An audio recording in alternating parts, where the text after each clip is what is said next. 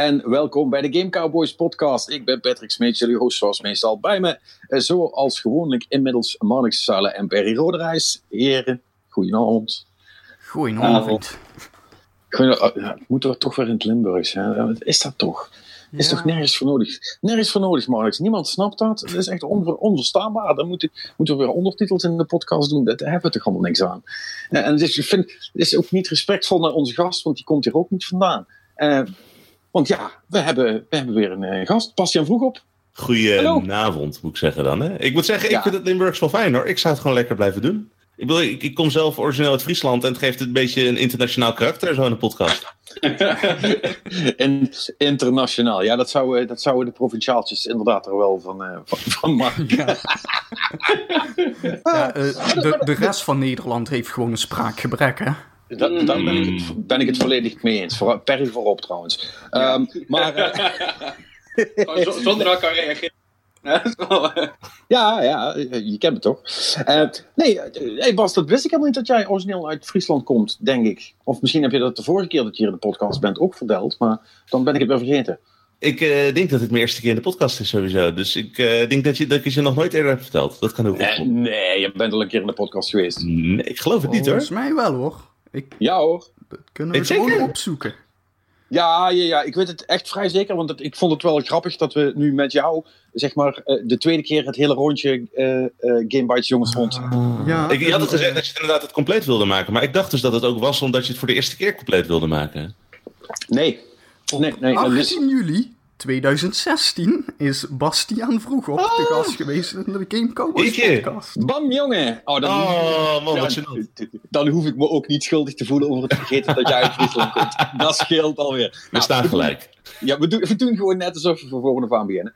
Maar, um, mm -hmm. um, ja, nou, dan heb toch, uh, uh, toch, uh, toch redelijk. Maar ben je heel vroeg al verhuisd naar, naar de, richting de Randstad dan? Of, ja, ik, ik, studeerde zeg maar ook in Friesland, maar ik wou heel graag de journalistiek in. Ik ben op het moment techjournalist. En ik merkte al heel snel dat als je dat soort werk wil gaan doen, over technologie en over games schrijven, dan zit je in Friesland niet heel erg goed. Dus ik ben in 2009 bij mijn eerste stage, was dat toen nog, dat was bij Power Limited. Toen ben ik naar, op kamers gegaan in de, de Randstad. En daarna een tweede stage bij Bright, ook weer in de Randstad gebleven. Een baan gevonden in de Randstad en uiteindelijk eigenlijk nooit meer teruggegaan. En dat vind je wel oké? Okay? Uh, nou, het bevalt wel. Maar ik moet wel zeggen, we zijn dus recent naar Almere verhuisd. En ik weet, de stad Almere, als je die noemt, bij sommige mensen moet je excuseren dat je er woont. Dus sorry bij deze. Ja, maar... ik, hoor, ik hoor daar ook weinig goede dingen over. Nee, ik moet zeggen, het is hier hartstikke leuk. Ik heb zelf weinig te klagen, maar ja, ik zit een beetje binnen te gamen. Dus ik, ik heb gewoon glasvezel en Picnic komt de boodschap aan de deur brengen. Het is voor mij allemaal uh, prima zo. Uh, ja. Maar dat was wel een beetje met het idee van we willen toch wel ietsje meer richting het noorden. Want er zit natuurlijk allemaal familie, we hebben wat oma's die wat ouder zijn en zo. Dus we trekken ja. wel weer een beetje naar het noorden toe. Maar dit is nog net zeg maar dicht bij de Randstad genoeg om hier te kunnen werken. Plus, je kunt meer dan een hond ook huren of kopen. Uh, Zeker weten. Dat was inderdaad ook, uh, we konden geloof ik op een bepaald punt konden we kiezen inderdaad, om, want we wilden gaan kopen. Want uh, ik had uiteindelijk een contract en we dachten van, nou, is dit een goed moment? En we wilden dat alleen op mijn inkomen doen. Want mijn vriendin die studeerde op dat punt nog. En je merkte dan van of je kunt inderdaad een, uh, een schuur in uh, Amsterdam kopen. Of je gaat inderdaad naar Almere en hier hebben we gewoon een leuk uh, een huisje. Met twee verdiepingen, tuintje, oprit. echt lekker een beetje in een Phoenix-wijkje zitten we hier. Dus dat is, ja, kan het iedereen aanraden. Hmm. Ja, zeker. Ja, goed. Uh, ik weet daar als, uh, als Limburger natuurlijk alles van. Goed, goedkope, goedkope real estate is hier uh, aan de orde van de dag. Um, maar ja, je zit ja. wel wat, wat verder van de Randstad af. Maar ja, ik, ik, ik was toevallig dit weekend nog in Amsterdam. En er waren jongens dan aan het vertellen over hun huis en wat ze dan betaalden om te huren en, en of hun hypotheek. En daar werd ik echt heel bang van. ja. Dat is echt niet normaal. Goed, toen vertelden ze daarna hoeveel ze verdienden. Dus toen snapte ik het wel weer. Daar zit, daar zit ook nog wel een verschilletje in, zeg maar. Dus dat, dan is dat wel oké. Okay. Maar uh, ja, je wilde journalistiek uh, studeren. Nou, dat, dat, is op zich vrij goed gelukt. Hè? Want je, je zit nu, los van dat we je kennen van bij Gamebytes natuurlijk, werk je mm -hmm. bij nu.nl. Ja, klopt. Ik ben daar sinds begin dit jaar ben ik samensteller van het uh, Techkatern. Dus we hebben zeg maar een tech-redactie. Als je naar nu.nl gaat, heb je al die blokken van algemeen, economie, eh, tech en al die onderwerpen. Ja. En we hebben een team van vier man inmiddels uh, waarmee we op tech zitten. Dus dat gaat heel lekker daar. En uh, ik heb het zelf ook hartstikke naar mijn zin. Hartstikke leuk. Ja.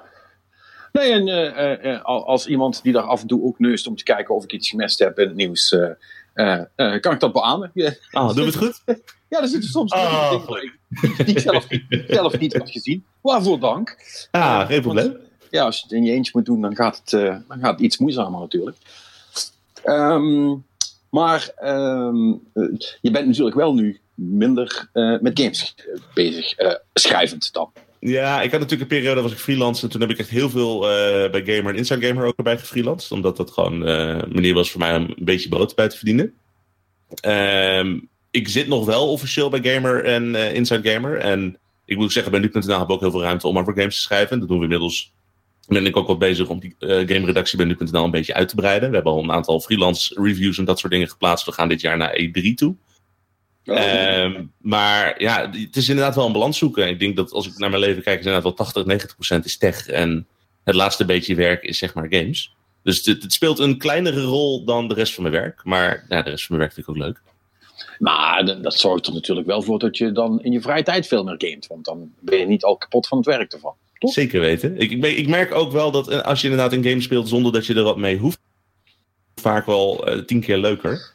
Dat je, je race niet tegen een deadline aan. Je kan het echt gewoon spreiden over een periode van maanden Ik, bedoel, ik speel graag altijd heel veel MMO's. En dat is echt de hel als je dat wil reviewen. En dan, mm -hmm. dan gewoon lekker een beetje, dan speel je een half uurtje in de week of zo, als het eens een keertje druk is. En het is allemaal prima. En dat maakt ja. het gewoon meer ontspannen dan werk op zo'n manier. Dus dat is wel leuk. Ja, alleen al de tijdsdruk is soms uh, wel killing natuurlijk. Uh, ja. we, we, we, hebben het daar ook wel vaker over gehad. Hè, dat, uh, dat als je. Dat ook veel games. Um, en, en vooral van die grote open wereld games met heel veel dingen te doen. Zoals God of War, waar we het dadelijk trouwens eindelijk, eindelijk over kunnen gaan hebben. Um, ik heb hem eindelijk gekregen. Uh, als je, als je zeg maar he, heel snel heel veel wil doen, dan, dan gaat dat toch een beetje tegenstaan op een gegeven moment.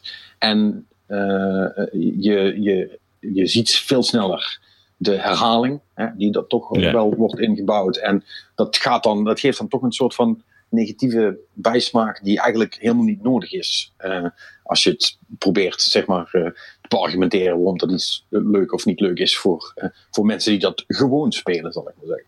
Ik denk dat dat ook wel bij. Ja, bedoel, je merkt inderdaad in de gameplay inderdaad herhaling. Maar ik denk inderdaad bij jou als speler merk je inderdaad ook heel, al heel snel dat als ik een game review en ik ram door de storyline heen, en omdat die herhaling er inderdaad is, je speelt op automatische piloot en je krijgt echt niks meer mee op een bepaald punt.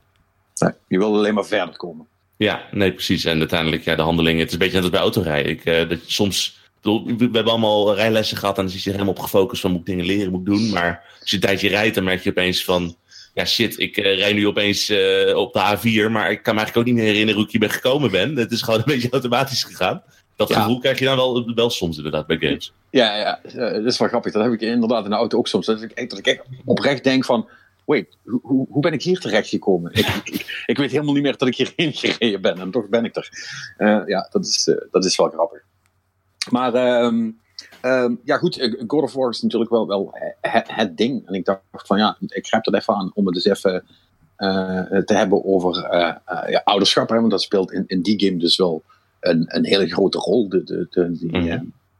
die relatie tussen Kratos en, uh, en zijn zoon, of boy, zoals we hem kennen. Boy. Boy. uh, en uh, dat is toch wel grappig, want je ziet heel veel mensen die, het, die het daar echt over hebben, die dat dan heel erg aangrijpt. je merkt dat de iets oudere gamer zich daar dan toch wel in herkent of zo, in die, in die struggle ook. En ehm, ik vroeg net voordat we begonnen, jij hebt toch ook geen kinderen, Bas? Die, uh, nee. nee, ik heb uh, geen dus, kinderen. Dus we, we, we, zitten hier daar allemaal kinderloos over te praten. Dat is natuurlijk wel een beetje jammer. Um, ik had eigenlijk Rick moeten uitnodigen. Die, hij heeft daar vast wel, die heeft daar vast wel iets over te zeggen met zijn drie quarters. Ik heb de game maar, zelf ook nog niet gespeeld. Dus ik kan heel weinig inzicht over dit onderwerp tot nu te geven. Maar ik ga nee, maar, nee, maar ik ben, ik, ben, ik, ben, ik ben aan het nadenken of, er, of ik me andere games kon herinneren. waarbij echt zo'n zo'n ouder-kindrelatie zo'n grote rol speelt als ja, de lastige deze game. Ja. Uh, ja, dat is wel een surrogaat uh, oude rol inderdaad, maar ja, uh, ja ze, ze, komt wel op hetzelfde neer eigenlijk. Hè? Dus Joel en Ellie. Ja, inderdaad. En, het, en dat, dat, dat, dat vonden mensen ook heel tof. Dat vond ik zelf ook heel cool trouwens. Dat, dat, dat, het is toch gek hoe dat. Uh, maar ik merk dat nu met God of War dus ook. Hoe, hoe dus toch zo'n ding wat eigenlijk dan niet voor mij bedoeld is, zal ik maar zeggen. Uh, mm -hmm. Dat dat toch wel heel erg aanspreekt. Uh, Man Expert, jullie hebben het ook al een beetje gespeeld. Heb, hebben jullie dat ook? Of is dat misschien ook een leeftijdsding? Mar Marnix, ik kijk jou even aan. Over leeftijd gesproken. Haha. Ja, nee. Ah. In, in, nee, in, in, in die zin niet, maar het, uh, ik bedoel, ik zit er nog niet heel lang in, misschien een uurtje of drie, drieënhalf, maar wat denk ik uh, misschien wel gewoon belangrijker daarin nog is, dus los van de details van hoe de relatie is opgezet, of dat nu dus vader-zoon is, of uh, zoals een andere game Life is Strange, wat uh, vriendinnen zijn, of dat maakt in principe denk ik allemaal niks uit als het maar gewoon goed geschreven is of zo. Ik denk dat God of War dat gewoon goed doet. Ja, daar, daar, is, daar is wel wat voor te zeggen. Um, en van wat ik tot nu toe, en ik, ik heb hem ook nog niet uitgespeeld of zo, maar ik heb wel al, denk ik, 20, 25 uur erin zitten nou. En je hebt ook, trouwens ook nog geen enkel zicht op wanneer dat een keer gaat ophouden. Dus het spel is in ieder geval super fucking groot. um, het, is echt, het is echt huge. Maar ook uh, de manier, inderdaad, uh, waarop het geschreven is, die is heel goed. Maar uh, ik vind het ook heel gaaf om te zien hoe zich dat ontwikkelt. Want in eerste instantie, in die eerste paar uur, nou, klikt dat nog allemaal niet zo. En dan is het allemaal wel. Hè, Kratos is een beetje de. Ja. Ja, het, de, het, de, het, is echt de grumpy old man, zeg maar, die, die, zijn, die, zijn, die zijn kind rondcommandeert. En, uh, uh, en op een gegeven moment leidt dat tot spanningen. En die komen dan, zoals je dat zou verwacht, uh, verwachten, komen die dan ook tot uitbarsting. En daar gebeurt daar niets mee. En ja, dat is, dat is allemaal wel cool gedaan. Ja, dat, dat, is dus wel, want jij zit er dus al verder in. Maar ik moet zeggen dat tot nu toe voor mij het af en toe wel een beetje bijna geforceerd vijandig of zo is af en toe hoe die naar, dat, naar, naar, uh, naar Boy toe doet, weet je wel? Ja, maar heb jij de, heb jij de andere God of War ooit gespeeld? Uh, nee, nee. En ik, ik, oh. weet dat, ik weet dat Kratos is nu niet bepaald sympathiek, maar... Het, nee. Ja, ja dat, dat, dat, was, dat was wel zijn stijl, zal ik maar zeggen, ja. tot nu toe. Ja, maar uh, dus tegelijkertijd, volgens mij... ik heb wel een beetje het gevoel dat ze de andere God of Wars toch eigenlijk min of meer aan de kant aan het schuiven zijn met deze. Gewoon ook als je kijkt naar, naar structuur en dergelijke. Het soort verhaal dat ze vertellen. Het, het, ja. het, het, is wel echt wat anders wat ze hier aan doen zijn. Ja, ja, ja. Ik bedoel, het is volgens mij niet met zoveel woorden gezegd. Althans, niet dat ik heb gelezen of gehoord. Maar als dit geen, als dit, als dit geen reboot is, dan weet ik het ook niet meer. Um, want dit, dit, dit is echt een, een, een, een heel ander soort spel. En uh, die oude God of Wars, uh, om het dan even op die manier te bekijken, die, die waren cool hoor. Dat was, dat was een en al spektakel en uh, waanzin en, en, grafisch heel, heel prachtig. Om te, heel veel graphics, hè, zou ik mm -hmm. zeggen. Um, in de, zowel in de PS2 als de, de PS3-tijd.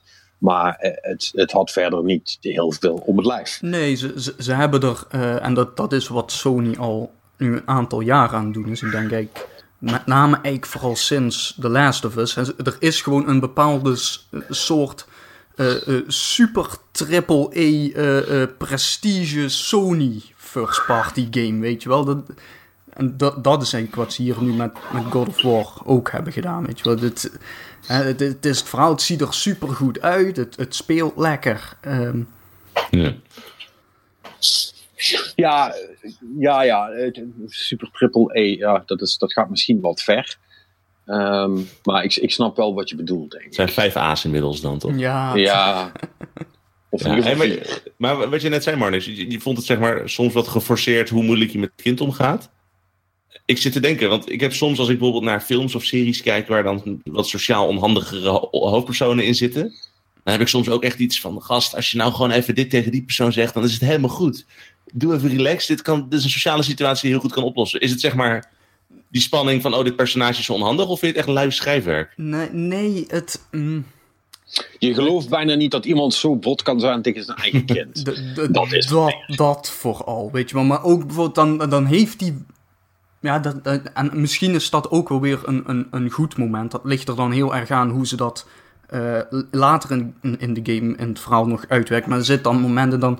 Eh, dan, dan reikt hij zeg maar zijn hand uit om, om, om die jongen even op zijn schouder te kloppen of zo. Maar dan, dan trekt hij hem toch op. Dat doet hij dan toch weer niet. Ja, Dat- Mannix, dat, dat kan ik je bij deze vertellen. Dat is een goed moment. Ja, dat, dat, ik bedoel, Ja, ja, ja daar komt op, echt... op ja, het ja. moment zelf, toen ik dat zag, had ik zoiets van, weet je wat, ja, doe, doe, Motherfucker, doe dat geef die jongen nou een knuffel. Ja, dat, is, dat is toch de kracht maar van dat is toch, ja. maar dat is vet. Dat is Ja, nee, goed. maar dat, dat, dat, dat, werkt op het moment dat ze dat op een later moment ook weer goed gaan doen. Hè. Dan, maar Ja. als het, weet je wel, als, als het dat gewoon is om te laten zien van dat Kratos eigenlijk maar gewoon een lul is, dan eh, vind ik het een beetje slecht gedaan. Maar als, als dat allemaal goed komt, dan... eh, Maar als jij, die, als jij die scène zit en jij hebt echt als eh, speler iets van gast leg die hand en op, dat betekent eigenlijk ook, jij bent voor die relatie gaan routen. Je wil dat hij het beter gaat doen. En is dat... Ook, dat, Dan dat- hebben ze al dat- gewonnen eigenlijk. Ja, dat- Ze, ze hebben je om als ik het zo hoor. Ja. Ja, maar ja, in, in, in die zin wel. Hoewel dat ook, dat is natuurlijk, eh, op het moment dat je zoiets doet met een kind erbij, is het natuurlijk ook wel wat makkelijker om mensen om te krijgen dan in andere s- Ja. Maar, maar, maar, en, dat vind ik, en dat vind ik tot nu toe zelf. eh, los van de gameplay, daar, daar wil ik het eigenlijk nog wel even over hebben. Ehm, maar, maar, maar dat hele aspect van die game. En dat doen ze echt heel goed. Dat doen ze echt heel goed. Ze zetten hem echt neer als een super awkward eh, lul. Die, die, zo'n typische man die niet met emoties kan omgaan. En eerlijk is eerlijk, hè, dat hangt er natuurlijk ook vanaf uit wa- wat voor soort nest je zelf komt. Eh, want ik had er ook zo in thuis. die, die, die wel iets, wel iets beter was dan Kratos, voor alle duidelijkheid. Maar Oh, gelukkig. hij noemde me in ieder geval niet de hele tijd boy, dus dat scheelt al. nee, maar, nee maar, maar het, was, het was oprecht ook wel, wel herkenbaar. Gewoon, gewoon zo- zo- zo'n man, zo'n man die, die compleet afgesloten is van al zijn emoties en daar helemaal niks mee kan en niet weet hoe hij daarmee om moet gaan. En ehm, ja, dat, dat deed toch wel een belletje rinkelen, zeg maar. Ehm, eh, dus dus dat, dat is toch, toch wel gaaf om te zien. En dan voornamelijk hoe tot nu toe, nogmaals, ik ben nog niet aan het einde, dus ik weet niet hoe het, helemaal gaat verlopen. Maar wat ik tot nu toe heb gezien, is hoe dat ook uitgewerkt wordt. hebben ze echt heel gaaf en, en soms heel subtiel gedaan. Ehm, eh, zoals dat momentje met, met die arm, want dat, dat viel mij ook meteen op. Ehm, en daar kun je zo overheen kijken als je dat, als je dat niet in de gaten hebt, zeg maar. Ehm, eh, maar, maar dat komt dan wel nog terug en je ziet dan toch die hele langzame eh, eh, eh, groei van hem. En so- soms gaat dat vanuit hemzelf en soms is dat echt vanuit een, een conflict met die jongen die zegt van ja, godverdomme, kun je nou eens een keer fucking normaal tegen me doen, want het slaat nergens op. Weet allemaal dat soort dingen, die komen allemaal langs. En ja, de, de, de, de, de, de, emotionele investering, zoals dat zo mooi heet, die, die is er in ieder geval wel, wat mij betreft. Ik Dus zit, dat, te, ik zit te denken, maar. Ik bedoel, het is al een tijdje dat ik de originele God of War heb gespeeld. Maar daarin raakt hij toch ergens, misschien het begin of het einde, ik weet het niet eens meer. Maar dan raakt hij toch gewoon zijn familie kwijt. ja, Dat klopt. er ook waar op zo'n rampage gaat op een bepaald Ja, ja zijn, zijn hele familie wordt uitgemoord en daarom moet hij zijn vader gaan vermoorden. Ja, maar ik kan me ook voorstellen dat hij nu iets heeft van, ja, ik eh, ben nu hier gezetteld, ik heb nou een nieuwe familie, maar ik bedoel, het begin van de game, ik, ik, heb alleen de, ik heb alleen reviews gelezen, maar het begin van de game kan ik noemen zonder dat ik mensen raar spoil, toch? Jo, jo, jo. Want het gaat er geloof ik om dat ze het as van die moeder van het jongetje moeten ze uitstrooien van het hoogste punt van de wereld. Dat is heb ik, wat ik, heb gelezen. Ja, dat, Dus dat, is, dat, dat, is, dat is het idee. Die, die, is, eh, die is, gewoon, die is ja. gewoon gestorven. En Mhm. die, die twee moeten eh, nog vers in de rouw, zeg maar, die as naar eh, de, de, de, hoogste, de hoogste berg. De hoogste berg in, alle, in, in all the realms eh, eh, moeten ze die gaan brengen. Ja. En, dan en, dus, en daar begint het. dan heb je dus in feite een personage inderdaad, dus die in de originele trilogie is zijn familie kwijtgeraakt. Heeft eh, eh, heel veel meegemaakt in die eh, originele drie games. En, en de PSP-games, als we die meetellen. Eh, heeft nu een familie, nadat hij eindelijk gezetteld is, daar heeft hij weer iemand van verloren. Ja, sorry, ik kan wel snappen dat hij denkt van ja, misschien moet ik ook niet eh, te lovey-dovey met deze zoon doen, want straks is hij weg en dan voel ik me nog kutter. Ik kan me voorstellen dat hij emotioneel is afgesloten als je het personage bekijkt. Ja, die Ja. was dus gewoon scarred for life natuurlijk. Ja. Eh, Ja, dat was, hij- dat was hij al voordat dit hele verhaal begon. En zo, zo- zoals het verhaal het vertelt, en dat is ook niet echt een spoiler of zo, ehm, ehm, is het ook, eh, wordt ook wel duidelijk gemaakt dat die, die vrouw die hij had, en waar hij dus ook die zoon mee heeft, die, die, die gaf hem eindelijk weer een beetje de mentale rust eh, eh, die hij nodig had, zal ik maar zeggen. En nu is die weer weggevallen. En ja, dan, dan ga, je, dan ga je natuurlijk weer op slot, zoals, zoals dat gaat met, eh, met mensen. En schijnbaar ook met goden, want dat is natuurlijk wel het ding. En Kratos blijft natuurlijk een, eh, een, een, een Griekse god. En ehm, ja, en dat is dan ook nog een heel ding, want hij zit dus nu in, ehm, in, in Scandinavië. Ja, Scandinavië. In, in, in de Scandinavische godensfeer. Ik weet niet hoe dat werkt. Midgard noemen ze dat toch? Volgens mij wel. Ja, ja, Ja. de- hij, hij, hij woont dan in Midgard, maar dat is onderdeel van dat hele pantheon met Thor en de rest eh, van, van en Baldur en de rest van de, van de rotzooi, zeg maar. Het Noorden. En, ja, het, no het noorden, inderdaad. En, en Odin, man, die Odin, dat was een lul. Holy shit. Ik moet echt, ik moet, ik moet echt die, die shit- ik heb dat allemaal nooit gelezen.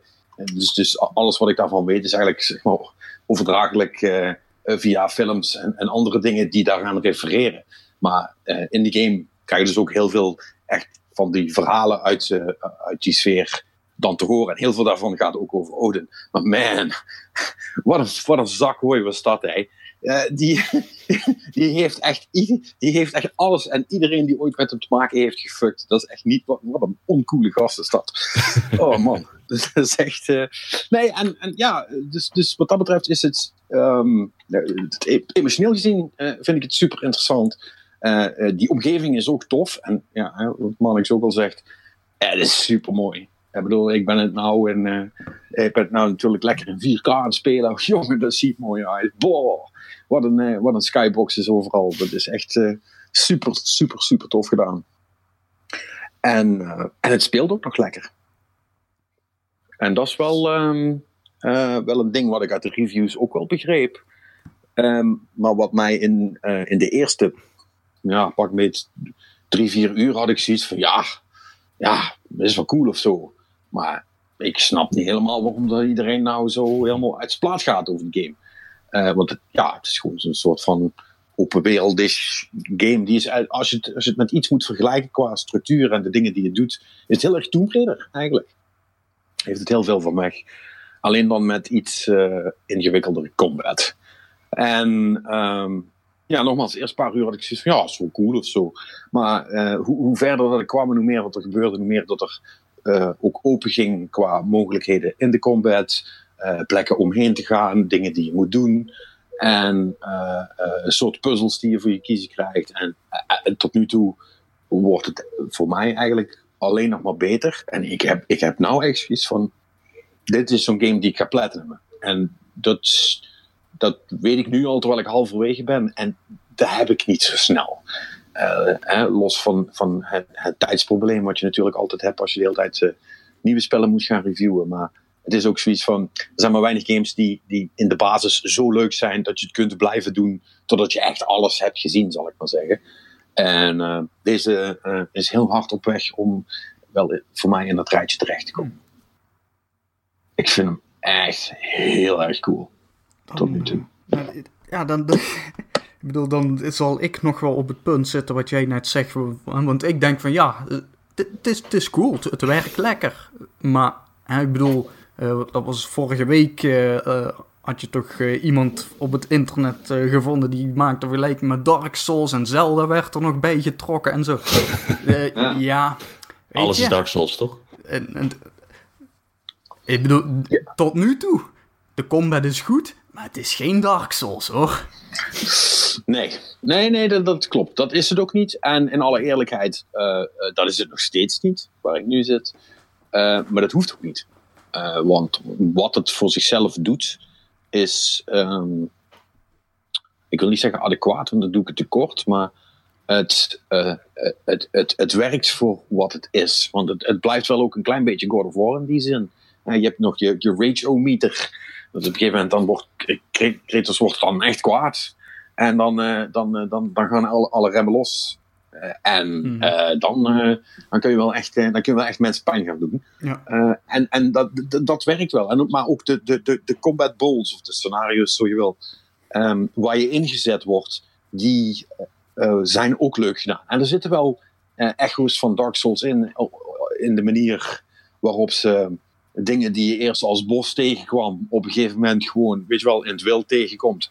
En je dan realiseert, holy fuck, ik ben toch wel een stuk sterker geworden dan ik dacht. Ehm, of beter. En, en, en, en, dat doen ze dus wel, wel heel goed, maar het is wel een ander soort combat. Goddank is het niet gewoon fucking eh, Batman, zeg maar. Hè? Dat Oh, wat ja. bijna alle andere spellen doen. Dus het is, het is wel echt eh, zijn eigen ding. En als je eenmaal eh, die...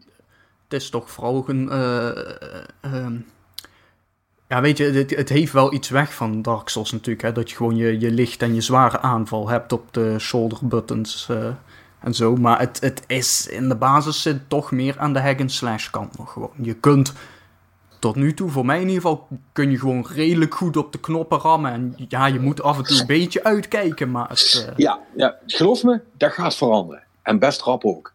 Ehm, eh, want ze hebben het dus wel ook zo gedaan dat. Eh, want je kunt op een gegeven moment kun je naar heel veel plekken toe. Eh, of een, een aantal, althans heb je best wel wat bewegingsvrijheid in, in hoe je dat doet.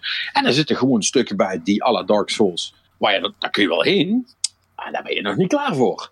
en dat merk je op het moment dat je door de eerste enemy gewone-shot wordt. En dan weet je dat je daar nog niet moet zijn, weet je wel. En, eh, ik, heb, en ik heb hem gewoon op de, op de normale difficulty stand staan.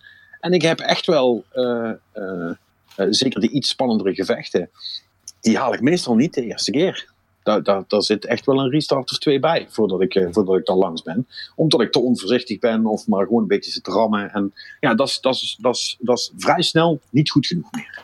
Ik heb, een, je- eh, ik heb een collega, eh, Marcel Vroegrijk. Die is de game op het moment ook aan het spelen. Die is van, eh, hij, hij is eh, freelancer sowieso bij ons bij Nutech. En hij zit ook bij Laatscherm. Mhm. Eh, maar hoe hij het spel speelt, hij heeft echt heel veel onderdelen van de interface uitgezet. Dus hij ziet geloof ik ook zijn eigen HP niet, maar ook niet het HP van de vijanden. En ook niet hoe sterk de vijanden zijn aan de hand van interface dingetjes. Mhm. Ehm, hij heeft geloof ik het kompas heeft hij ook uitgezet. Dus hij gebruikt echt puur alleen de kaart. En hij merkte ook dat hij het een beetje wat meer Dark Souls-achtig speelde, eh, zei hij laatst tegen me. Dus dat hij inderdaad echt heel voorzichtig en inderdaad gewoon door een beetje uit te proberen in de wereld kijken van waar kom je inderdaad allemaal mee weg. En het klonk als een hele, hele ja, onnodig moeilijke manier om het te spelen. Ik zou dat echt niet nadoen, maar als, Het is wel cool. het is wel heel cool. Vind ik wel een goed idee. Ja, toch? Oh. Dus, eh, Ja. ik, geloof dat hij daar nog eens een keertje over iets gaat schrijven. Maar eh, het idee klonk heel gaaf. En ook Het, het idee dat je inderdaad de spol niet... Al die spellen hebben natuurlijk zo'n kompas. En ik weet niet precies hoe het eruit ziet in God of War. Maar uiteindelijk ga je een beetje op, die, op de tomtom spelen. Eh, Eh. ja, maar, het gekke is dus, ehm, eh, dat klopt hoor, want op een gegeven moment, dat komt wel pas, je krijgt dat echt op een gegeven moment in story, krijg je van iemand een kompas, letterlijk. Waardoor je waypoints points kunt zien, waardoor je dus wel ziet waar je heen moet. In de eerste instantie heb je dat helemaal niet. Ehm, maar zelfs toen ik dat had, is eigenlijk, en dan weet ik dat, dat, is- dat ik het spel heel leuk vind, is eigenlijk mijn eerste instinct, daar moet ik heen. Oké, dan ga ik eerst alle andere richtingen proberen. En dan ga ik dan wel daarheen. Gewoon omdat ik wil, ik wil zien wat er voor de rest nog allemaal is. Weet je wel? En ehm, eh, ja, en, en daar kom je dan op een gegeven moment achter dat nog niet overal eh, eh, geschikt is eh, voor je om, om te gaan. Dus ja, dat, dat, eh, dat, dat doen ze wel heel cool. Maar eh, Perry, jij bent hem ook al aan het spelen nu, want jij had hem wel al gekocht vorige week, maar nog niet gespeeld. Ik neem aan dat je dat nu gerectificeerd hebt. Nee, man. Sorry. Wat? Ja, echt super slecht. verhaal dit. Ja. Nee, ik, eh, wilde, ik wilde echt eh, heel graag, eh, omdat ik weet wat voor gamer ik ben. Ik wilde eerst echt heel graag Yakuza 6 gewoon tot het einde uit zingen. Oké. En als, als ik nou, ik, nu ik deze verhalen al hoor, weet je, half uit en zo, omdat ik denk, ik het allemaal nog meemaken, heb ik als, als ik nu aan God of War begin, dan is ik Yakuza 6 gewoon kansloos. Ja, dat denk ik wel. niet aangeraakt. Dus Ja, dat, dat, dat vrees ik ook. om, om die reden heb ik eh, eh, al- mijn tijd en energie gestoken in de avonturen van Kiryu en eh, de Japanse vriendjes en vriendinnetjes. Nou, la- la- laten we het daar dan even over hebben. Heb je, heb, je- heb je daar nog wat, wat leuks meegemaakt? Nou, naast een. ik had het net met Marnix. voordat we begonnen, even over het epische Quest op melk te halen. Ja, jullie hadden het over uh, ouders game. Ja, en, en uh, ik wist dit aanvankelijk. Vorige week had ik natuurlijk al het een en ander verteld over uh, wat Yakuza had meegemaakt. Maar je hebt dus ook een soort van klein kindje bij je. Waar je dus ja. ook voor moet zorgen. Ja, fucking irritant. Hier spreekt een toekomstige vader. Ik ja, merk het al ja, hoor. Dat wordt wel. nee, maar er was één kwestie. Was, uh, daar, uh, nou ja, kan ik wel richtig wat over zeggen. Kijk, daar, ehm, daar, daar kom je op een gegeven moment tot de situatie dat je in een appartement gaat met dat kind. Het kind is dan van iemand anders. En je bent, dat, je bent eigenlijk aan het uitvogelen wie is de vader van dat kind. Dit, dit is dus, even voor de leken onder ons, dit is een Yakuza-baas, een vierde chairman, die uiteindelijk zichzelf hiermee bezighoudt. Dat, uh, dat laat maar zien wat voor kaliber het verhaal is. maar in ieder geval, je loopt dus rond en je, en, je, je gaat denk ik van, nou, ik ga slapen. Pont hij zo zelf, weet je, maybe I should get some rest, weet je, nou, dan jij naar je appartement. En dan besluit je dus de, de, de luier te doen. En, en tegelijkertijd stopt het kind maar niet met huilen. Dus jij denkt, of hij denkt, Kiryu denkt, nou, dan moet hij eten hebben. Maar ik heb geen melk, dus nu ben ik fucked. Denkt hij, om, om ergens 11 uur s'avonds ga ik rondlopen in een havenstadje. Goed idee. Om, uh, om, om uh, melk te zoeken. Maar in de tussentijd word je dus belaagd door van alles en nog wat. Dat, dat, die hele quest duurde twee uur. maar, maar je loopt dus met dat kind. En tegelijkertijd, na zoveel stappen, en dit is Japans, dan, dan komt er iets waardoor je dus dat kind begint te huilen. En dan moet je dus een soort minigame met te spelen. Dat je met je, met je controller moet je dus zo naar boven schudden, of zijwaarts schudden. Of je moet een rub doen. Nou, echt, ik werd er ginnet gek van. En uh, mijn vrouw die kwam ook, die zegt van, maar jij was nog een spel aan het spelen over maffia? Ik zeg, ja, dat klopt, Japanse maffia. Maar waarom loop je dan rond met een kind dat aan het huilen is? Ik zeg, ja, ik weet het niet. dus, uh, er is geen antwoord op. Ja, nee. Ik had er geen goed because, antwoord op. Because video games, ja. Ja, because video games. Ja, uh, ja, uiteindelijk als je dat gehad hebt, dan... Gelukkig komt dat niet nog een keer terug. Althans, tot waar ik nu ben. En daarna dan wordt de game een stukje epischer met al zijn intriges en gekkigheid en Koreaanse maffia. En, de, de triaden die erin zitten en de, de Yakuza die zelf in oorlog is met elkaar. Dus het is, het is, ja, het is een beetje een clusterfuck waar je dan doorheen aan het lopen bent. En tegelijkertijd wil je dus zoeken naar de moordenaar van je vriendin van de vorige game. Grote vriendin, het is niet je vriendin. En uh, de vader van haar zoon. Ja, dat, uh, het is net goede tijden, slechte tijden. Maar het rotte is dus, als je eenmaal erin zit, wil je ook weten hoe het eindigt. En elke keer als je dan een stukje verder gaat, dan wordt het weer erger en erger, omdat er weer een raar element gecreëerd werd. Want nou, nou ben ik weer in een of andere hostclub, maar dat zijn dan hosts geworden en niet hostesses. Dus ze hebben de vrouwen ontslagen, want management, nieuwe management is deel van de Koreaanse maffia. En de Koreaanse maffia besluit jou dan uit te nodigen. En, om, uh, en hij weet dan waar iemand is die hij zoekt. Maar om dat antwoord te krijgen moet je hem eerst in elkaar uh, slaan in een soort van grote ring die uit het plafond komt. Ja, het, uh, het helemaal wauw. Ja, Jij veel helemaal. Ja, veel Japans dit kan het niet worden, inderdaad. Eh, Nee, nee, nee. Dit, dit is ergens eh, voor, voor, voor de mensen die nog gaan spelen. Dit is ergens rond chapter 7. Dus ik heb zoiets van, nou, ik weet niet wat er nog gaat komen. Maar het kan alleen maar, het kan waarschijnlijk niet veel gekker meer. Nou, je weet het niet. Ja, alhoewel, Ik- alhoewel ik werd ik, de laatste sub tegen op, op, op rond. Toen moest ik in een soort, ehm, ja, een soort mascottepak aan voor de Odichimura noodles. En dat zijn bepaalde ramen noodles die, die, die, die zijn typisch, maar google het, want het bestaat waarschijnlijk ook nog. Maar eh, toen moest ik dat pak aan, dan moet je zo'n kindershow, bla bla bla bla. En eh, dan moet je dus bepaalde antwoorden geven en dan worden die kinderen helemaal blij. Nou, dan, ja, de troll in mij gaat dan alle slechte klote antwoorden kiezen natuurlijk. Weet je, maar... En uiteindelijk komt er kinderen dan- huilen. ja, en uiteindelijk dan een soort, eh, komt er dan een soort knokploeg die dan een verhaal gaat halen. En dan sta je daar dus in je mascottepak. Met een soort van fucking grote sinaasappel op je hoofd en een hoedje erop. Sta je jezelf met elkaar te huiten. Eh, ja, dat was, dat was wel episch. Ik snap waarom je nog geen God of War hebt gespeeld in ieder geval. Ja, ja, ja. Eh, het moet wel zeggen, het is een goed verhaal. Eh, eh, Trouwens, want jij, jij zei, want ik vond het wel een hele mooie, eh, eh, eh, eh, een hele mooie vergelijking eigenlijk. Dus je zei, ja, Dat stomme gedoe met die minigame de hele tijd met het kind. Ik werd er echt uh, gillend fucking gek van.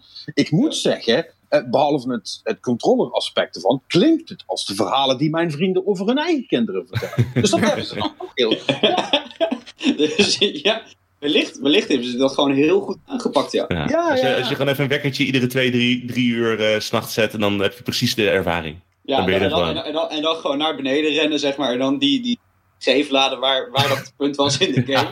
ja. en, dat, en, en dan eigenlijk, nee, dan moet je keren. Dan, als je zeg maar, je vriendin op hete kolen staat, of je vrouw, dan moet je dit, zeg maar, dit gaan introduceren. Maar nou, ik heb okay, een dit, plan.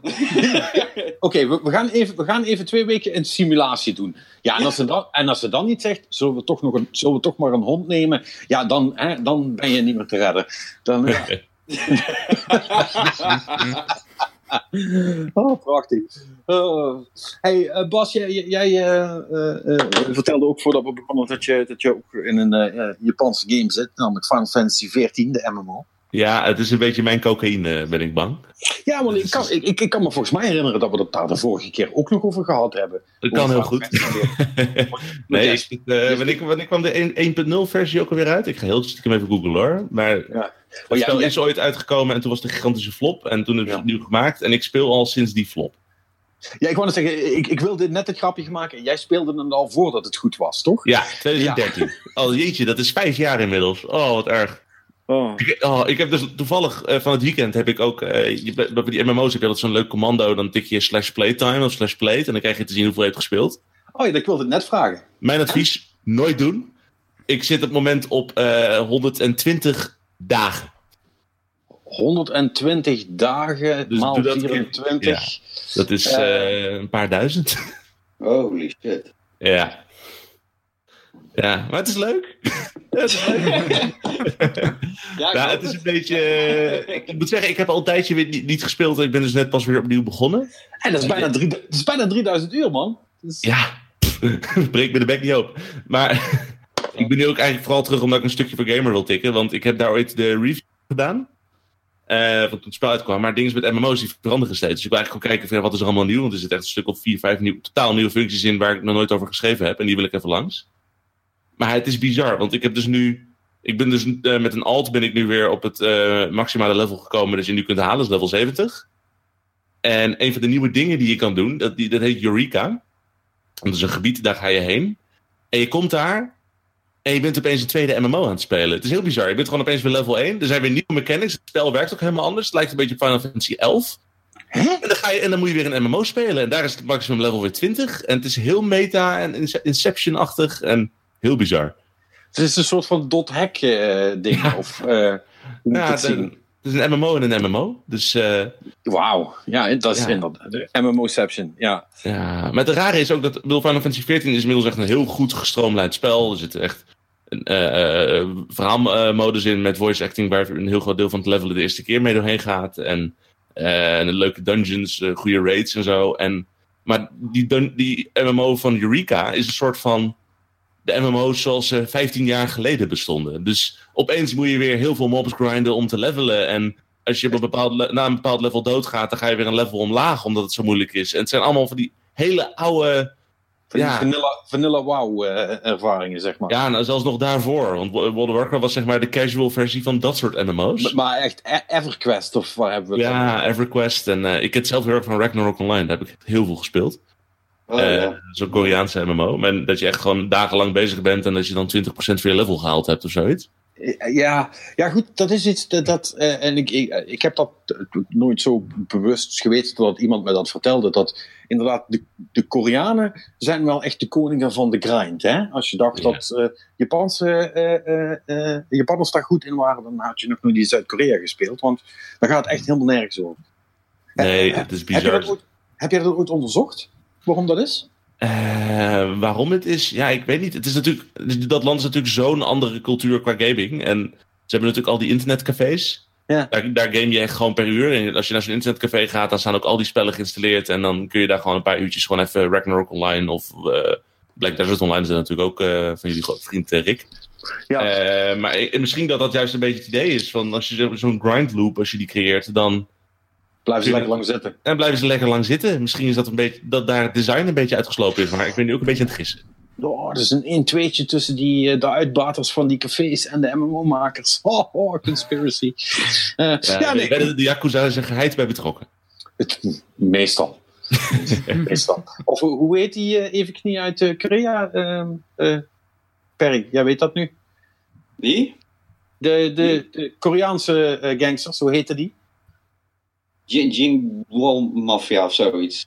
Oh. Jion, potverdomme, ik krijg niet uit mijn mond. Iets met een J. Als Jong Wing of zo. Nou ja, wacht, ik even op. Als het Jing Jing is, dan dat is niet echt een heel erg intimiderende naam. Moet dat misschien niet te hard zeggen op de podcast? Straks staat er opeens een knokploeg voor de deur, maar... Ja, dat, in Yakuza staat echt zonder reden staan ze voor de deur nou. Uh, ja, dan ja, heb, je heb, je nu, dat ik niet. Heb, je, heb je nu al te veel gezegd. oh jee, knip dit er maar uit jongens. Ik vrees voor mijn leven. oh. Maar goed, maar dit, dat hele MMO en MMO, eh, is het dan wel leuk? Of is het voor, jou leuk omdat het een soort van callback naar vroeger is? En is het eigenlijk helemaal niet zo leuk? Ik denk dat laatste erg. Want ik merk dat ik er zelf nu heel erg van geniet. En dat, dat grinden van, oh, dit is hoe ik me voel in de middelbare school. En het is echt helemaal weer uh, zoals vroeger. Maar alle spelers die ik ken die al wat langer spelen op het moment. En misschien ook niet zozeer het sentiment hebben naar die oude Koreaanse grinders. Die hoor ik echt alleen maar klagen van, ah, dit is zo kut ontworpen.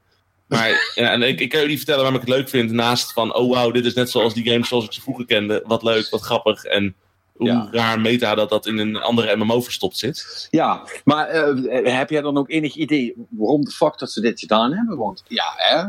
Nou, wat ze heel goed, wat ze heel goed bij, uh, bij Final Fantasy doen, uh, is ze hebben zeg maar iedere drie maanden hebben ze een content patch. Uh, World of Warcraft heeft eens zoveel tijd ook zo'n content patch, maar die zijn wat minder regulier. En zij, maar dan brengen ze natuurlijk dingen uit zoals een nieuwe raid dungeons en gewone dungeons en ja. PvP seasons en al de regular shit. Maar ze proberen ook een beetje horizontaal te groeien. Dus ze hebben op ditzelfde punt van de vorige expansion, dus bij Heavensward, uh, toen ze rond ja, patch 3.2, 3.3 zaten, ja, dat zegt jullie ook niks, maakt er niet uit, het is een nummer. Uh, toen hebben ze het ongeveer hetzelfde gedaan. En toen hebben ze een roguelike in de game toegevoegd. En dat is echt een superleuk systeem. Waarbij je dus inderdaad ook op level 1 begon. En dan moest je hoog mogen klimmen. En als je dood was, ja, dan was het game over. Moest je weer aan het begin beginnen. En de, de kamers werden willekeurig gegenereerd. Er zaten valstrikken die op de grond zaten. Dus als je te haastig door de kamer heen ging, ja, dan kon opeens je groep gewoon shot worden. Omdat je met z'n allen in de range van één val stond als je erop loopt.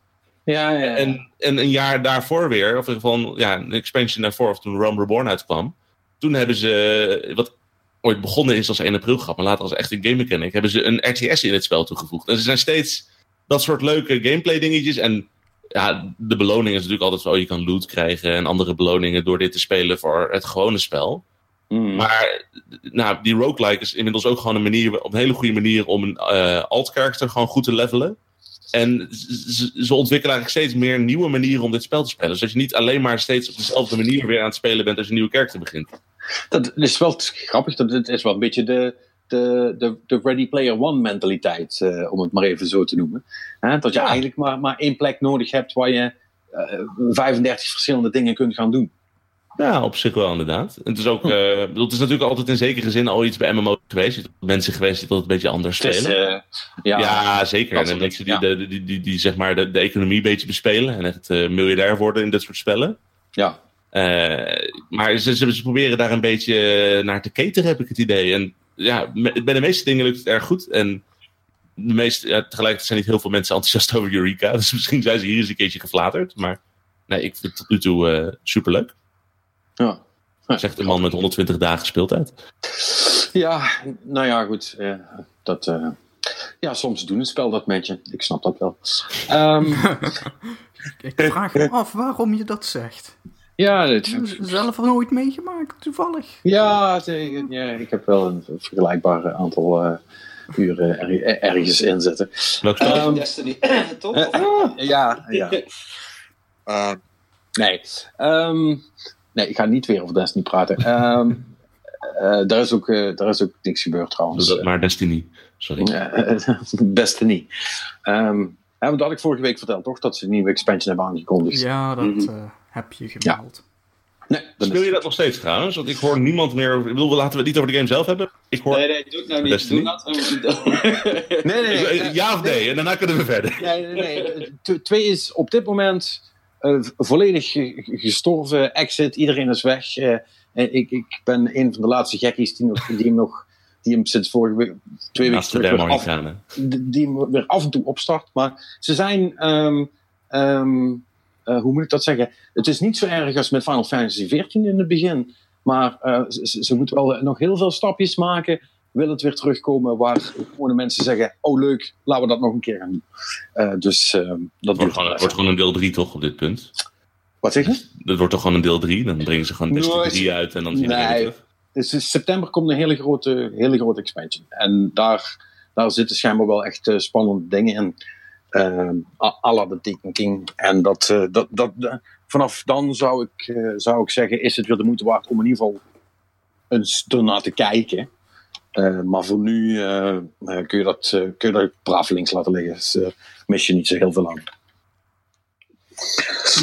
Oh, terwijl de volgende week een expansion komt, maar daar heb ik ook niet veel hoop over. Ga, gaan jullie trouwens. Ik, ik, ik, ik, hoor je twee podcast co-hosts. Shit, we gaan het toch over Destiny hebben. Dus ik ga het, ik ga het even proberen.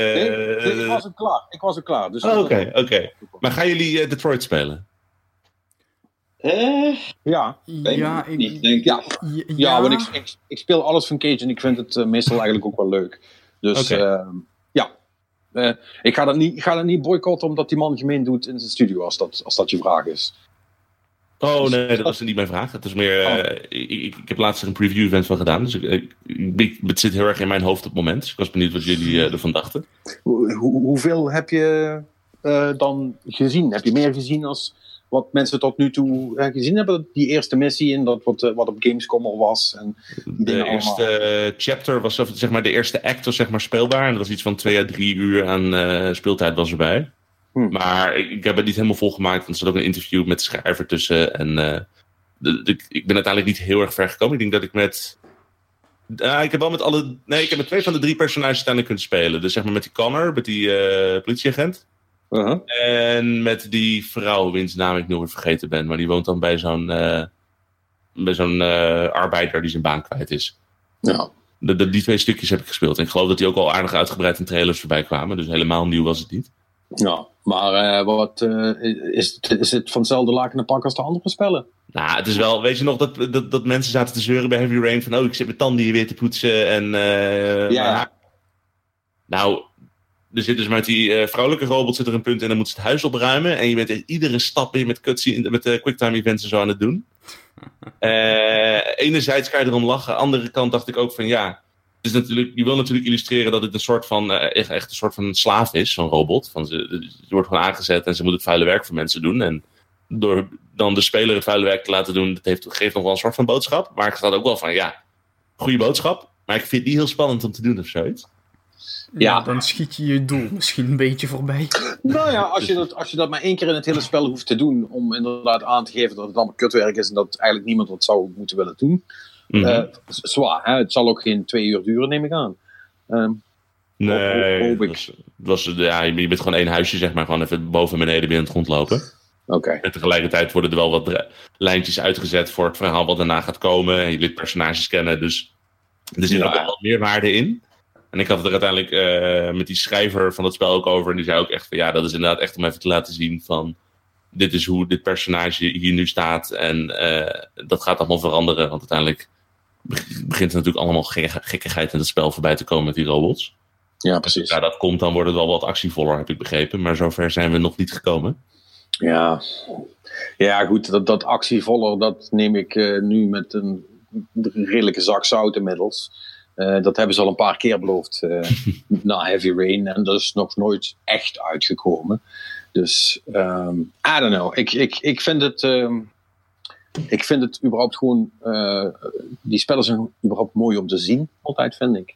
En, op de, en alleen voor dat aspect al vind ik ze altijd wel leuk om te doen. En ik vind het ook niet zo erg dat het... Het is wel iets wat je op je gemakje kunt spelen. Het is ja. Het is, het is ook, relaxed. Ja, en ik vind het ook qua setting gewoon interessanter dan hun vorige twee games. Omdat, ja, sorry, tech-redacteur praat over tech, maar... Ja, precies. Je hebt natuurlijk nu die setting van inderdaad, je hebt robots die gewoon uh, heel simpel werken, fabriek hebben overgenomen. En iedereen heeft een soort van... Nou, de robot is in feite de nieuwe smartphone voor heel veel mensen. Dat iedereen koopt er eentje en laat lekker hun uh, vuile werk opknappen. En Ja. het spel probeert ook wel echt inderdaad een beetje die maatschappij te schetsen van wat is er aan de hand. Want inderdaad, die protesterende fabrieksmedewerkers die steeds minder eh, kunnen werken. En je ziet er ook allemaal subtielere dingen. Want uiteraard rijdt iedereen in zelfrijdende auto's langs. En ik, ik vond het ook grappig dat die eh, heel klein detail dit hoor. En er wordt eigenlijk ook niet, geen aandacht aan besteed. Maar op een bepaald punt zie je dan zeg maar waar je die robot kunt kopen. En het gaat allemaal op een soort van. Die dingen zijn allemaal heel erg duur.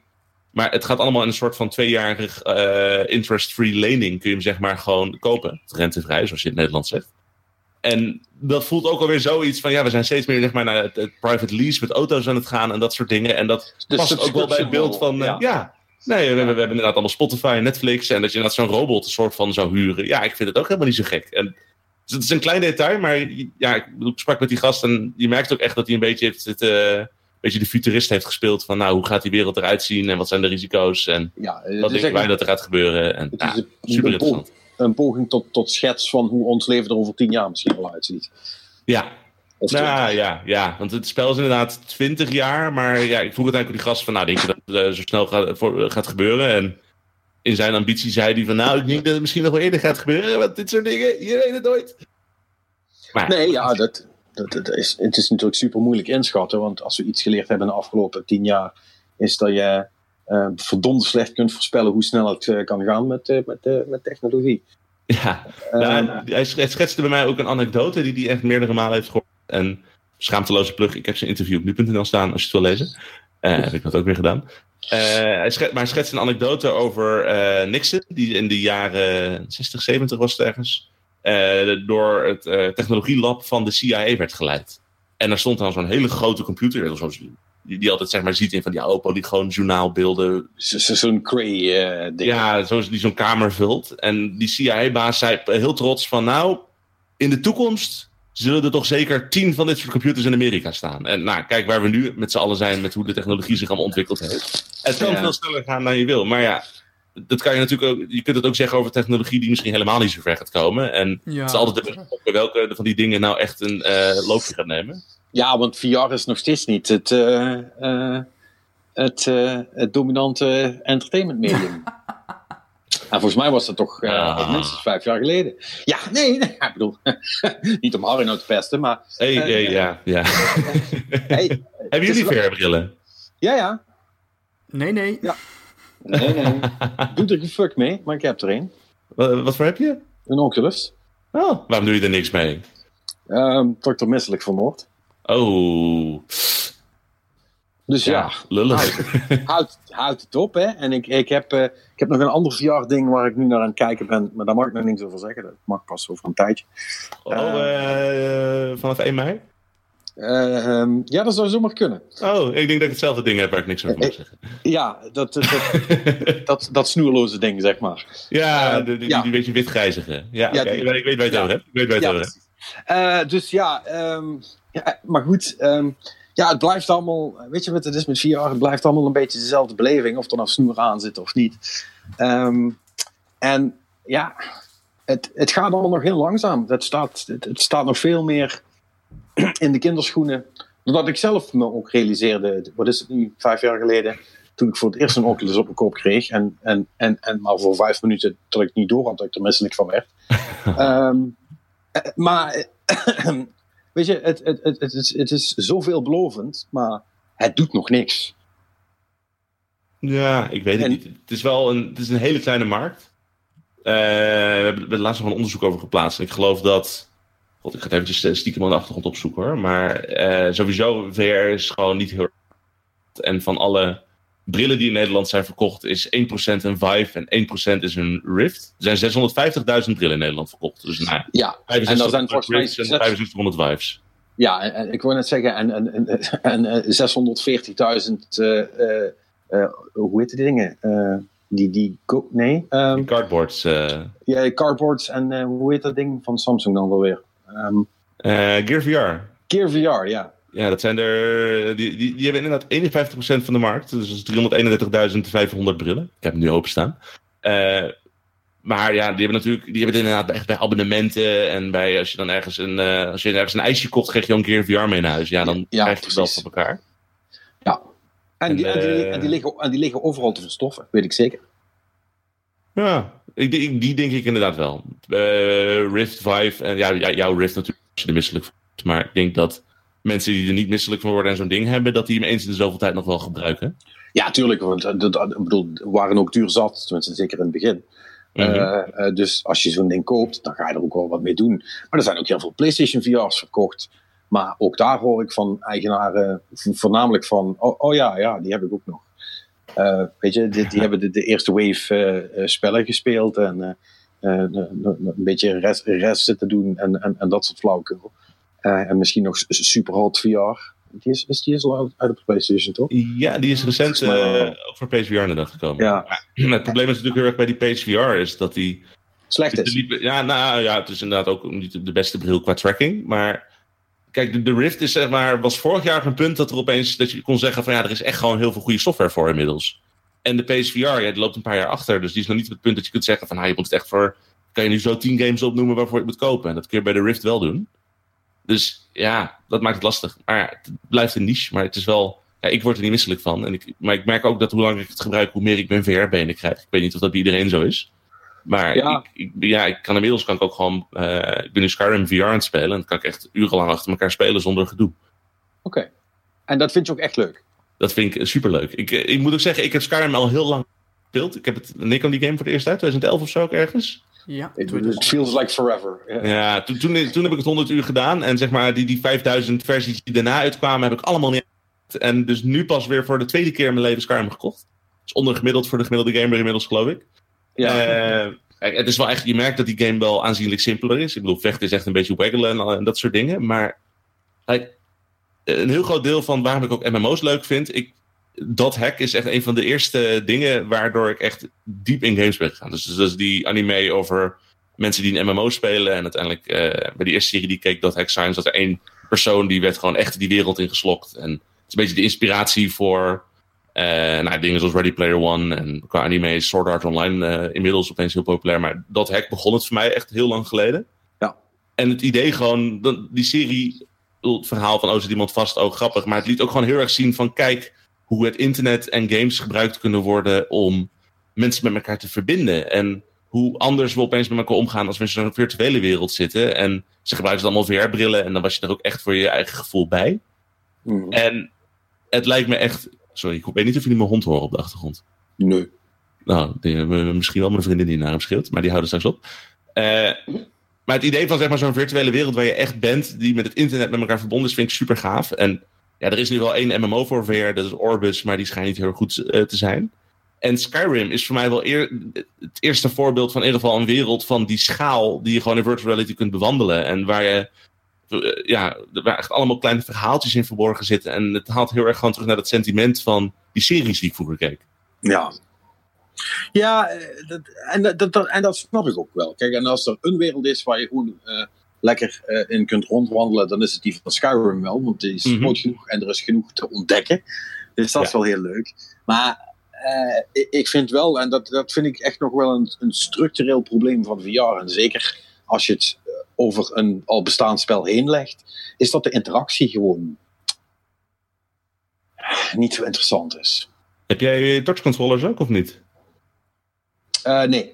Ah, nee. dat, dat is denk ik een heel groot verschil. Ik bedoel, ik moet zeggen, bij Skyrim werkt dit niet heel goed. Maar het ding is bij die touchcontrollers. Uh, het zijn zeg maar twee van die, ja, van die kleine gamepages die je vast hebt in je handen. En die zien ook zeg maar, de positie van je handen in de, echte, in de virtuele wereld ten opzichte van de echte wereld. Ja, hetzelfde als bij de Vive. Want die, ja. die, heb, ik, die heb ik ook ja. gebruikt. Dus. Maar het fijne hieraan is, er zitten allemaal uh, uh, aanraakoppervlakken in. Dus, aanraaksensoren, niet zozeer een touchscreen. Maar dat je bijvoorbeeld ziet dat er een vinger rust op een analoge stick of op een knop of op, naast een knop. -hmm. uh, en je hebt natuurlijk allemaal trackers bij allemaal verschillende vingers zitten. En het idee is eigenlijk dat als ik in de echte wereld een vuist maak met die controller in mijn hand, dan ziet hij dus dat bepaalde knoppen zo ingedrukt zijn en dan doet mijn echte hand mee. En het is natuurlijk nog geen één op één vertaling van je eigen handen naar VR. Maar het gaat wel echt heel erg ver. En je, voor, het, zorgt ervoor dat als je bijvoorbeeld. Uh, ik ben super fan van bijvoorbeeld een Light Gun game, Echo. Nee, niet Echo Arena, Robo Recall. Ja. En wat, wat je bij die, dan heb je dus gewoon twee pistolen in je hand en je bent aan het schieten alsof je gewoon echt pistolen hebt. Maar wat je bijvoorbeeld ook kan doen, als je bijvoorbeeld je, je secundaire wapen wil pakken, wat dan een shotgun is, dan uh, ga je dus met je hand zeg maar, naar je rug, alsof je zeg maar, een wapen hebt dat op je rug is, wat je dus van boven eraf wil trekken. Mhm. dan, dan knijp je handen in elkaar, behalve je wijsvinger. eh, en dan trek je hem terug en heb je dat wapen vast. Alsof je hem echt van je rug hebt getrokken. En dat soort Ja. interacties zorgen er inderdaad wel voor. Ik had ook toen, toen ik mijn Rift kocht niet het idee dat die handen zo belangrijk zouden zijn. Maar het is voor mij echt een verschil van dag en nacht. Ja, maar, maar, maar dat, en, en dat, en dat snap ik ook wel. Hè? Want het is, en ik heb zelf geen touch controllers. Ik heb, er, ik heb daar wel mee gespeeld. En ook eh, met de Vive, die zijn ook wel vergelijkbaar. Het is ook een van mijn grote problemen met PSVR trouwens. Is dat die, eh, eh, hoe heet die dingen nou? Die, move controllers geloof die move controllers die zijn echt volledig ongeschikt Ja. voor VR. Eh, daarom werkt dat ook echt niet goed. Maar ehm, eh, eh, dus, dus als, als je dat goed doet, weet ik, dan kun je met je handen kun je al heel veel doen. Maar je bent nog steeds, eh, want hoe, hoe beweeg je in, in Skyrim? Hè? Want het lopen is voor mij altijd wel, of het bewegen is, is altijd wel een beetje een ding. Dat is ook waar ik het misselijkste van word, dus misschien speelt dat mee. Maar doe je gewoon teleporten om vooruit te komen? Eh, of? ik, ik, ik, ik loop gewoon. Ik weet dat. eh, in de meeste VR-games kan ik sowieso gewoon lopen. Eh, de meeste ook zonder problemen. Ik weet dat Skyrim bij sommige mensen wat moeilijker is, omdat het, het is natuurlijk een spel wat niet voor VR gemaakt is. En het is een stuk verticaler. Dus dat is trap op, trap af. En je hebt ook sommige trappen. ehm, dan ziet hij zeg maar iedere tray als een klein stukje waar je op staat. Dus dan schok je zo naar beneden en dat soort dingen. Ik weet dat eh, Harry, die normaal eh, helemaal niet zo snel VR-ziek wordt, die teleport om die reden ook in die game. Want die trekt het hierbij als grote uitzondering niet. Maar als je bijvoorbeeld kijkt naar een spel zoals eh From Other Sons. Dat is een beetje, eh, jullie kennen FTL wel, toch? Mhm. Dus je inderdaad van eh, sprong naar sprong door de ruimte maakt. En dan kom je schepen tegen en soms moet je vechten. Ja. From Other Sons is zeg maar dat, maar dan ook tegelijkertijd een first-person shooter game. Waarbij je dus echt op de brug staat en dan moet je naar de brug. En dan moet je naar de, de teleport room lopen om een ander schip te boorden. En dan moet je echt gastjes doodschieten. En dat is een spel waarin ik gewoon volledig gewoon met mijn pookje loop zonder problemen. Heb ik er nooit last van. Maar dat is ook een spel gemaakt voor VR. Er zitten niet zo heel veel punten bij dat je constant trappetje op, trappetje af, trappetje, heuveltje op, heuveltje af. En dan werkt het gewoon. Ja, geen, geen screen shake of eh, eh, head, head, eh, head eh, hoe noemen ze dat nou? Head sway, head... Dat je hoofd beweegt als je, als je loopt. Oh ja, headbob zeg maar. Headbob, ja, dat is... Ja, nee. Dat, eh, gel- gelukkig heb je dat niet bij Skyrim trouwens. Dus zo erg sta ik er niet bij. Maar je merkt gewoon dat als die, als die gebieden zeg maar, wat heuvelachtiger en wat verticaler gemaakt zijn, dat, is, dat vertaalt nog niet lekker naar VR. Nee, nee, dat snap ik wel. Ja, eh, en, maar, maar goed, ik weet niet of je... Heb je ook... ehm, eh, wat, hoe heet die andere? Fallout. Die hebben ze, hebben ze toch ook een VR-versie van gemaakt? Ja. Nou, het ding is, ik, bedoel, ik heb dus een Rift en... eh, Oh, right. Ja, Zenimax en eh, eh, Ja, Oculus, die zijn zeg maar in de zaak met elkaar verwikkeld. En voor een hele lange tijd ondersteunde dus ook... eh, normaal werken alle games op eh, Steam ook met de Rift eh, als met de Vive. Maar er behalve zat een of andere ja. rare eh, blok, zeg maar, inderdaad, in Fallout. eh, waardoor dat bij dat spel niet werkte. Die hebben ze er recent uitgehaald. En sterker nog, ze hebben inmiddels helemaal native dat je ook met je touchcontrollers en zo kan spelen. Maar ik heb nog niet de kans gehad om sindsdien te spelen. Dat is echt sinds Ja. een paar dagen dat hij gewoon goed native te spelen is. Oh, dat is pas net. Ja, er waren allemaal mods voor, maar ik hoorde ook dat het helemaal niet zo lekker liep. En die VR-versie schijnt ook vrij ondergeschikt te zijn en slecht geoptimaliseerd. Terwijl, en bij Skyrim hebben ze natuurlijk het geluk dat eh, het natuurlijk alweer een oudere game is. Dus dat is zeg maar wel wat goed terug te brengen naar misschien wat lagere grafische settings, zodat je het goed Ja. naar VR kan doen. Omdat je natuurlijk heel twee schermen renderen. En ja, het is, Ja. het is daardoor wel wat zwaarder om te doen. Terwijl Fallout is vrij nieuw, dus dat was... Ja, ik geloof dat ze daar wat meer uitdagingen mee hadden. Maar Ja, als Skyrim op de Switch kan, dan kan een VR-versie ook. ik bedoel maar.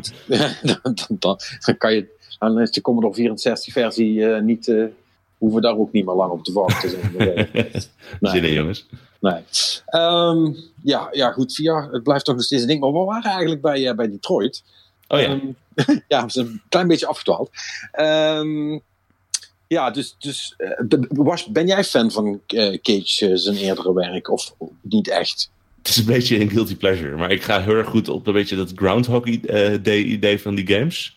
Dus Ja. dat je inderdaad gewoon de resultaat ziet en dan ga je weer terug en dan probeer je het anders en dan zie je weer een andere uitkomst. En dat vind ik heel leuk. Maar tegelijkertijd, het is meestal vrij ruk geschreven. Nou weet ik niet, eh, die Williams die ik gesproken heb, die dit spel zeg maar als lead writer heeft gedaan of die eerdere games heeft gedaan. Ik geloof dat, dat, dat dit zijn eerste is. Dus misschien maakt dat wel een verschil. Dat geeft hoop.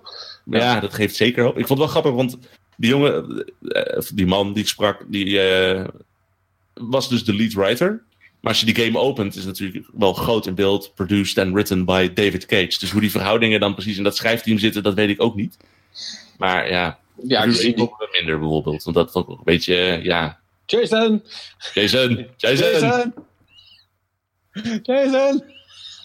Ah, ik vond dat wel een cool spel hoor. Ik vind dat van, van alles wat ze tot nu toe gemaakt hebben, eh, vond ik dat wel nog steeds de geslaagdste. Eh, Gewoon qua, qua setting en alles.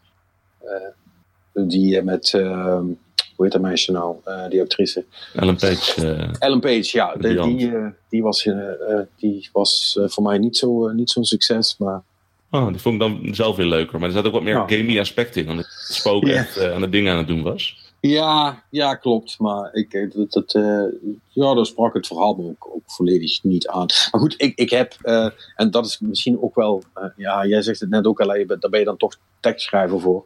Dan ben je toch automatisch iets meer geïnteresseerd in dat soort dingen. En ik had eigenlijk al sinds die tech-demo die ze toen voor de PS3, denk ik nog, hebben gemaakt. Ik geloof het wel, ja. Van, van die robot die gefabriceerd werd, zeg maar. Had ik al zoiets van, oh, dit is cool, hier wil ik een spel van zien. En ja, en dan gaan ze er een spel van maken. Ja, dan wil ik dat wel zien. Dus dat, eh, eh, ik ben, ben wel, wel benieuwd. Maar ik geloof dat voor de rest eh, niemand er echt oren naar heeft, toch? Mark, Sperry? Echt. Kijk, ik, ik heb nog nooit een David Cage game gespeeld, maar ik heb genoeg gehoord om ervan te weten dat ik me waarschijnlijk er helemaal groen en geel aan ga ergeren. Nou kennen de vast wel. Maar ik vind Maar het niet heel journalistiek van je dat je dat nu al zegt. Ja, nee, maar het, mm, het, het andere punt is natuurlijk wel eh, eh, science fiction, zeker met eh androïden en dergelijke en zo. Zeg maar, alles wat Detroit belooft te zijn, dat is wel echt mijn ding, zeg maar. Dat, daar hou ik wel van. Dus dat... Ik, eh, ik, ik, ik denk, ja, ik, ik wil hem wel gaan spelen, maar ik, ik weet niet wat ik hiervan eh, ga vinden. Ik weet echt niet. bedoel, ik, kan... Ik, ik, ja, ik, ik, ik verwacht gewoon een soort van reserve iRobot-achtig verhaal. Ehm, iets in die trant. En, dan, eh, en als dat leuk gedaan is, dan vind ik het wel prima. Is toch leuk? Maakt het, maakt het uit. Het is, het is niet alsof er voor de rest heel veel uitkomt. Ja, dat helpt ook natuurlijk. Dat, dat, eh, dat helpt inderdaad. Eh, ik ben even denken, heeft iemand anders nog iets eh cools gespeeld waar we het over moeten hebben? Nee, hè? Poeh. Eh, niet waar we het over moeten hebben, nee. Nou, laten we dat dan ook vooral niet doen. nee. Het eh, over nieuws hebben of zo? Ja, nou ja, goed. Aangezien we toch een nieuwsman in ons midden hebben. Hallo. Ja, meerdere in dit geval. eh, eh, Bas, wat is jou nou opgevallen in het game nieuws deze week? Eh, deze week ook. Ja, jeetje. Daar zeg je wel wat. Ik zit te denken, het lootbox debakel was natuurlijk alweer een week eerder. En ik vermoed dat jullie het daar al uitgebreid over gehad zullen hebben. Nou, we hebben deze week dan natuurlijk het Belgische staartje van. Dat is Ja, waar.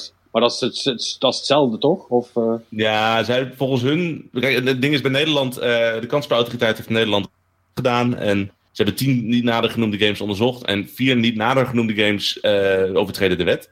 mhm. We kunnen wel aardig gaan invullen welke spellen dat zijn. Eh, en de Belgische kansspelcommissie is wat explicieter geweest. En zeggen van ja, FIFA 18, Overwatch. eh, ja, dat mag niet van ons. Oh ja, hebben De, die de Belgische zelfs... wet is eh, daar dus ook wat, wat strenger in. Want zover ik heb begrepen, maken zij dus niet het onderscheid in of de, de inhoud van de lootbox eventueel doorverkocht kan worden. Wat in Nee, Nederland klopt. dus wel het onderscheid maakt, want dan zou er economische waarde aan toegekend kunnen worden en zo. Dat, dat was zeg maar de overtreding hier in Nederland. Eh, Ja. En in België hebben ze dat onderscheid eigenlijk niet. Holy shit, maar dan mag dat dus niks. Nee, want de, de enige die niet in overtreding was, en dat vond ik op zich wel grappig, was dus Battlefront 2. Waarom? Omdat op het moment dat ze die game hebben bekeken, waren de lootboxes Was- eruit gehaald. Eruit gehaald. Ja. Super vet. maar eh, eh, hebben ze, nou, maar, maar ik, ik moet heel eerlijk eh, erbij zeggen, ik heb het in België helemaal eh, niet gevolgd eigenlijk. Maar ik dacht, ja, het zal toch wel hetzelfde zijn. eh. Eh, eh, en ik heb er zelf ook niet heel veel over gezien. Ik dacht van, nou ja, het zal wel. Ehm, maar hebben die dan ook een, een, een datum eh, waarop eh, uitgevers moeten gaan reageren of iets veranderen? Of hoe gaan ze het oplossen? Wat gaan ze doen? Weet iemand dat? Eh, Eh, dat weet ik eigenlijk ook niet. ik Ik geloof dat het. Er niet bij volgens door dit artikel scrollen. In Nederland is het acht weken, maar in België heb ik, weet ik niet zo heel snel. Het is trouwens wel, ik bedoel, in Nederland hebben we dus nu een verbod. Uh, en excuses, ik heb jullie vorige podcast niet over gehoord. Dus misschien herhaal ik dingen die al gezegd zijn. Maar het is natuurlijk, dat verbod in Nederland voor die game zou ook niet permanent zijn, hè? Er ligt nu gewoon een, uh, de, we zitten nu gewoon in een hele onhandige situatie dat we een super oude wet op de kansspelen hebben. Ja, ja, en daarin zijn online uh, kansspelen of, of kansspelen die van op een afstand worden geopereerd. En dat zijn dus online games ook. Die mogen op het moment niet, maar een nieuwe wet gaat dat wel reguleren. En dan moet er misschien een ja, dan moeten we waarschijnlijk ja. iets van een waarschuwing bij. En uh, als we heel ja, nee. hebben, gaat er misschien wel iets van belasting naar de, naar de overheid om die spullen ja. uh, toe als iets wordt verkocht. Ja, vast wel. Ja, dat, dat klopt. Daar hebben we het inderdaad vorige week ook over gehad. Maar uh, die vrouw van de kansspelautoriteit vertelt mij van ja, luister. want ik vroeg dan, ja, oké, okay, dus dat is dan in de komende maand of maanden, is dat, gaat dat dan helemaal veranderen? Ze zegt ja, nou, dan zou het best nog wel eens even kunnen duren. Want de, de wet of de, de, de conceptwet, eh, geloof ik, zoals zij het zei, uh, die ligt nu pas bij de Eerste Kamer en die moeten er nog naar kijken en daar moet er nog over gestemd worden. Dus, ligt ook al twee jaar, hè? Ja, dus zij zei ook van. De, uh, niet met zoveel woorden, want ik, ik, mag haar niet quoten, hè, zoals ik vorige week zei, anders, krijg ik, anders heb ik het weer aan de stok met ze. maar um, het kwam er basically op neer van, joh, er zou best nog eens volgend jaar kunnen worden voordat die wet er echt ja, is. Ah, ja. Ik heb trouwens, uh, ik, eh, als, je, als je een woordvoerder gesproken of de directeur? Ja. Nee, Oké. Okay. Ik heb de directeur in lijn gehad en die mag ik lekker wel quoten, dus dat ga ik ook lekker doen. Uh, maar die is ook vrij expliciet in dat ze inderdaad na die acht weken gaan ze gewoon vol naar verbod toe. En dan, dan mag het gewoon niet, als die spellen niet, niet zijn aangepast. Ik weet dat er in eerdere berichtgeving was het wat vager. Dan was het misschien een verbod, misschien een boete. Maar ja. de praktijk is dus, er komt sowieso een verbod. En daarnaast is er nog mogelijkheid tot een boete. Ik, ze wilde niet zeggen hoe dat onderscheid gemaakt gaat worden, maar ik denk dat we ervan uit kunnen gaan dat die boete komt als een partij niet meewerken. Maar hebben we het dan over een verkoopverbod?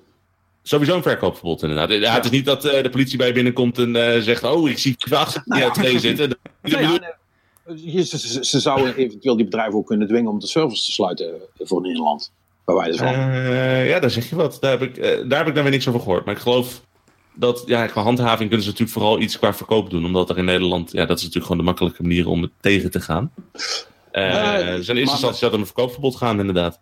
Ja, maar dan neem ik aan ook alleen maar retail. Want anders moeten ze ook met, uh, of zouden ze dan ook met PlayStation en Xbox en Steam ah, uh, en, en, alle partijen kunnen regelen dat dat in Nederland niet meer verkocht mag worden? Nou, ik denk kan dat best. jij als digitale marktplaats moet jij je ook gewoon houden aan de lokale wetgeving. En ja. het, het, is hier gewoon een overheidsinstantie die hier uh, ja. in, in feite gewoon bepaalt wat wel en niet verkocht mag worden. Dan. Ja, ja, nee, dat is waar, want die houden zich ook aan al, al, die rare Duitse wetten. Uh, dus dan zou, uh, zou, dat hier, de, zou dat hier niet anders zijn. Even ja, terug naar België trouwens. Uh, er, er zijn, is daar niks concreet gezegd. De minister daar, minister Geens heet die, die wil eerst overleggen met de sector. Maar die zegt ook van dat in, in principe kunnen ze uh, gewoon strafrechtelijk vervolgd worden. Boetes tot 800.000 euro, gevangenisstraffen zijn ook mogelijk. en in het geval dat kinderen benadeeld worden, uh, kunnen die straffen en boetes nog verder oplopen. Dus. Uh, ja. Nou. Dan moet je ook wel realiseren, die Geens die heeft geloof ik ook al gezegd dat hij ermee op Europees niveau wil, over wil gaan praten. Ah. Dus ik denk dat, mm. wat, wat, wat ik vermoed hoor, maar ik denk dat die, die uh, kansspelcommissies in al die landen uiteindelijk gewoon een beetje net als al die privacy-waakhonden bij Facebook. Gewoon zeggen van weet je wat, we sluiten gewoon een, uh, een verbond en we gaan met z'n allen kijken hoe we dit in Europa kunnen reguleren en hoe we dit misschien in de Europese wetgeving beter kunnen vastleggen en dat ze op zo'n manier gaan doen. Want het is natuurlijk ook niet te doen dat je aan bedrijven in Europa vraagt om aan twintig verschillende uh, regels te gaan voldoen in, in twintig verschillende landen. Ja. Dus ik, ik, vermoed dat het zoiets gaat worden. Maar weet je, weet je van wie dit trouwens pas echt de hel gaat worden als zo'n verbod komt? Dus voor alle lokale uh, netgames en game mania's die echt de afgelopen jaren zoveel tweedehands kopietjes van FIFA 18 alvast hebben ingekocht. Als ze die opeens massaal niet meer mogen verkopen, dan hebben die. Oh, ik vraag me af hoeveel uh, nou, verlies daarop gemaakt zou worden. Nou, dat valt natuurlijk wel mee, want voor een... Voor een Oh ja, die, die kopen die voor een- in voor een euro ik, of ik, zo. ik wou net zeggen, voor een gemiddelde FIFA krijg je bij een Game Mania... eh, eh, als je meer dan 5 euro krijgt, dan ben je een, heel, een hele goeie volgens mij. Ja, oké, inmiddels inderdaad valt het mee. Maar- Dus dat, maar, maar ja, maar het is wel, het is wel weer extra eh, ballast voor de, voor, de, voor de fysieke winkels. Die moeten dat dan weer allemaal in de gaten gaan houden. Eh, hè, en en wat, doe je, dan- wat doe je dan met die stok? Dat, dat moet je dan, weet je wel, er gaat dus ergens in Nederland een pakhuis komen met du- duizenden van dat soort verboden games die nu niet verkocht mogen worden, maar straks misschien weer wel. Dus je kunt ze nu ook niet vernietigen of weggooien. En je mag ze vermoedelijk ook niet aan EA teruggeven of aan, wie er, waar ze dan ook van zijn. Dus ja, dan zit je ermee. Dus die moeten ergens gewoon storage space gaan, eh, gaan huren om, om al die fucking games te gaan opslaan. Dat is wel balen. Ja. Dat is echt balen. Ja. Die zijn, die zijn mooi genaaid. Ja, goed, zal je leren nog een fysieke winkel hebben. Eh, zou, je dan, zou je dan ook kunnen zeggen. Maar zijn er nog andere dingen gebeurd? Eh, nou, misschien nog even terug eh, inhakend op eh, Quantic Dream van Detroit. Je, je, je zat al te vissen of ik er misschien over wou beginnen. Problematische studio die erachter zit. Er zijn allemaal verhalen geweest over de eh, slechte werksfeer bij de ontwikkelaar van die game. En eh de, de, de- het personeel zou er, eh, er zouden racistische en seksistische opmerkingen op de werkvloer gemaakt zijn. De, deze week zagen we daarbij. Sorry? Daar hebben we het volgens mij ook al over gehad toen, toch? Vorige week? Ja. Maar ook over de follow-up daarover? Nee, de Volgens- follow-up nee, niet de follow-up. Nee. Want wat er nu gebeurd is- Wat er nu gebeurd is. Ja, ik eh, dacht, ik, ik leid er even in. Maar eh een afgelopen week, op de 23e, bleek dat eh, ja, Quantic Dream nu de journalisten die daarover hebben geschreven in Frankrijk aan het aanklagen is. De Oh. journalisten van Le Monde en eh, de website Mediapart die staan nu voor de rechter. Of in ieder geval, op het moment worden de juridische voorbereidingen zo voor gedaan. En de zaak zelf die gaat in juni, geloof ik, van start. Maar die worden be- beschuldigd van smaad en laster. En ze proberen het bedrijf in een slecht daglicht te zetten en dat soort dingen.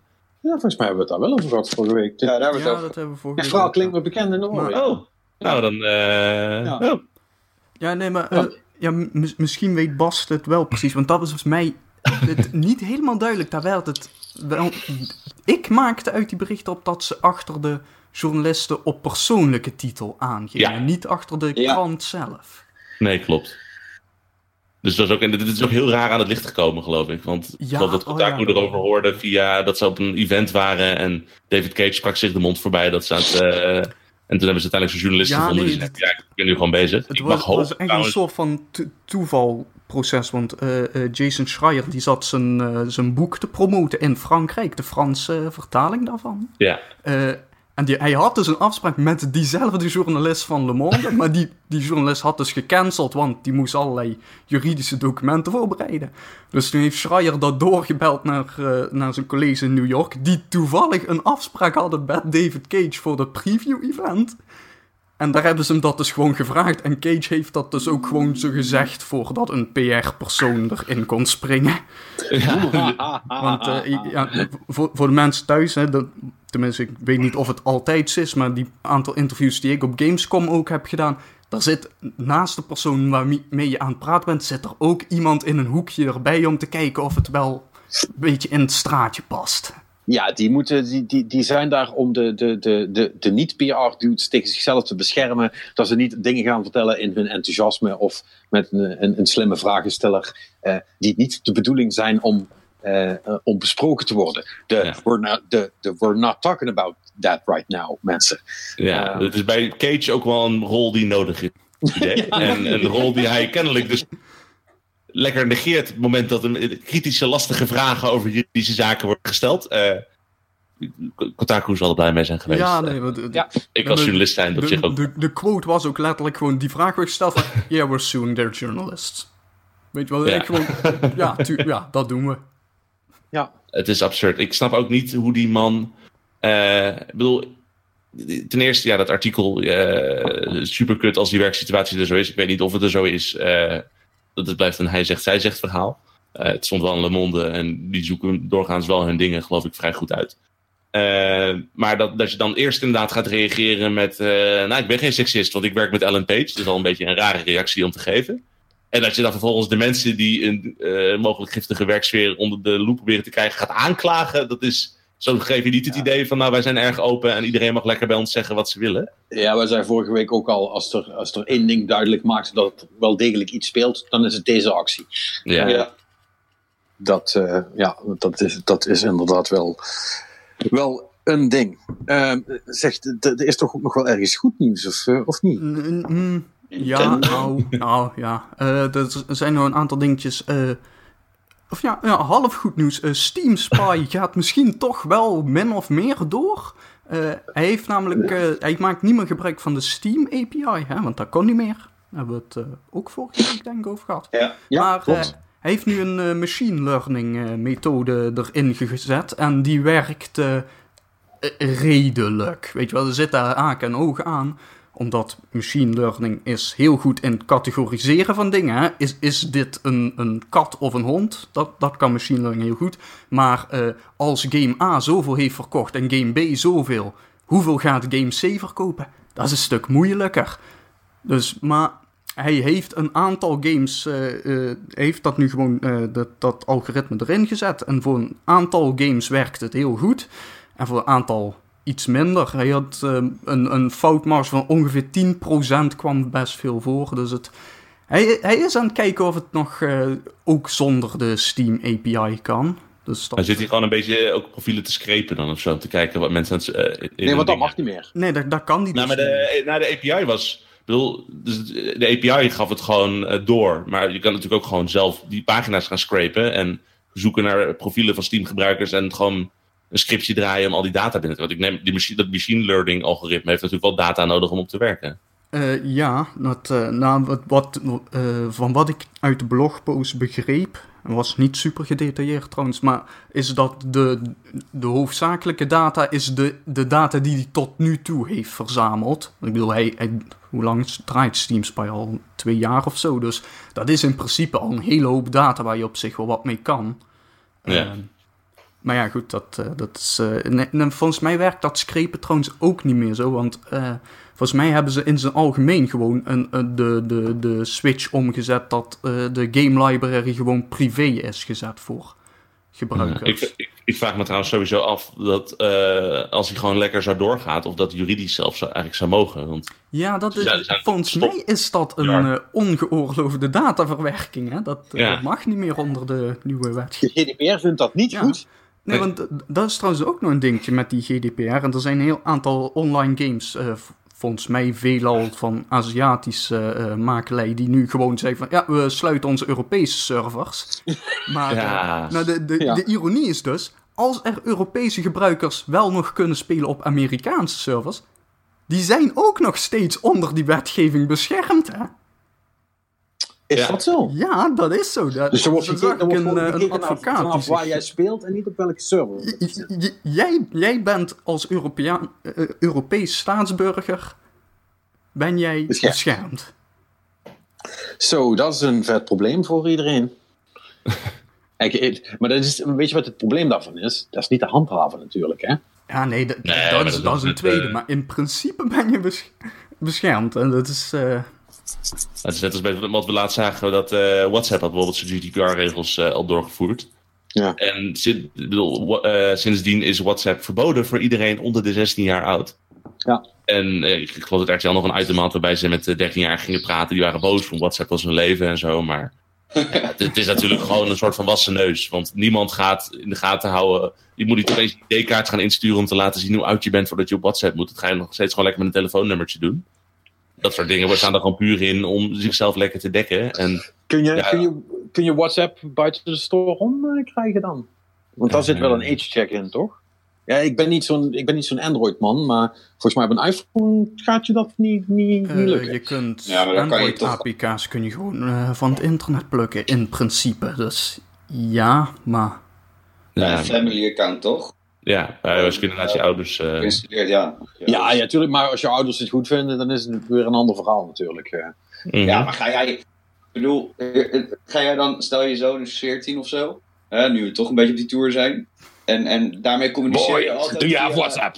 Ja, Via WhatsApp. Nee, maar je, weet je wat? Gewoon van hoe laat ben je thuis? Of zo, weet ik het. Weet je, of hoe laat ben je klaar met school? Doe je altijd over WhatsApp. En, en- en dan ga je daarna zeggen, nee, dat mag niet meer voor mij. De wet aangepast is. ja. Nee, ja, dit, dit, dit is altijd het, het probleem met dit soort wetten die nadat iets zich al in het eh, collectieve bewustzijn heeft genesteld, eh opeens zeggen, ja, maar het mag eigenlijk niet. Ja, dat, is, dat werkt niet. Dat werkt Nee. echt Ja, niet. nee, maar het, het, de, het- de ironie erachter is natuurlijk wel dat eh, de, de gebruiker is in principe dan niet in overtreding. Het bedrijf is een Ja. overtreding. Ja. Eh, en Ja. waarschijnlijk is het dus ook, wordt daar niet zozeer concreet op dat punt gehandhaafd. Maar ik kan me wel voorstellen dat als er een andere overtreding is, bijvoorbeeld omdat je, weet ik hoeveel het was, 80 miljoen accounts eh, bij een of ander bedrijfje terecht zijn gekomen waar dat niet de bedoeling was. Dat er dan ook naar andere overtredingen nog gekeken kan worden. Ja, dat is wel waar. Ja, goed. En, en wat dat natuurlijk in de gamingsfeer betekent. Ja, als jij zegt dat er gewoon bedrijven zijn die zeggen, ja, het allemaal geen Europese servers. Ja, ehm, ja dan hebben ze zich aan de wet gehouden, maar het schiet allemaal heel erg het, het doel voorbij natuurlijk. Ja, en het, het is natuurlijk ook maar de vraag hè, eh, in, in hoeverre dat ook een games waren die hier in Europa heel populair waren. Zo, volgens mij waren het gewoon browser MMO's. Dus Ja, en de internationale versie van Ragnarok, waar we het toevallig net over hadden, die is inderdaad ook weg. Maar daar is dan weer een Europese Rag- Ragnarok Online die nog wel gewoon open blijft. Maar ja, het is, het is inderdaad, als je inderdaad niet kan betalen om je aan die wet aan te passen, ja, dan zou je inderdaad niet zoveel spelers hebben. Nee, of dan is het, nou, hè, je kunt het altijd betalen, maar als je het er niet voor over hebt, heb je niet genoeg spelers. Dat is, dat is eigenlijk het Ja. verhaal. Hè, dan is het, hè, het, dan is het onder het ro- rode, dan staat er onder het lijntje staat er rood en zoals we eh, weten, dan doen bedrijven het gewoon niet.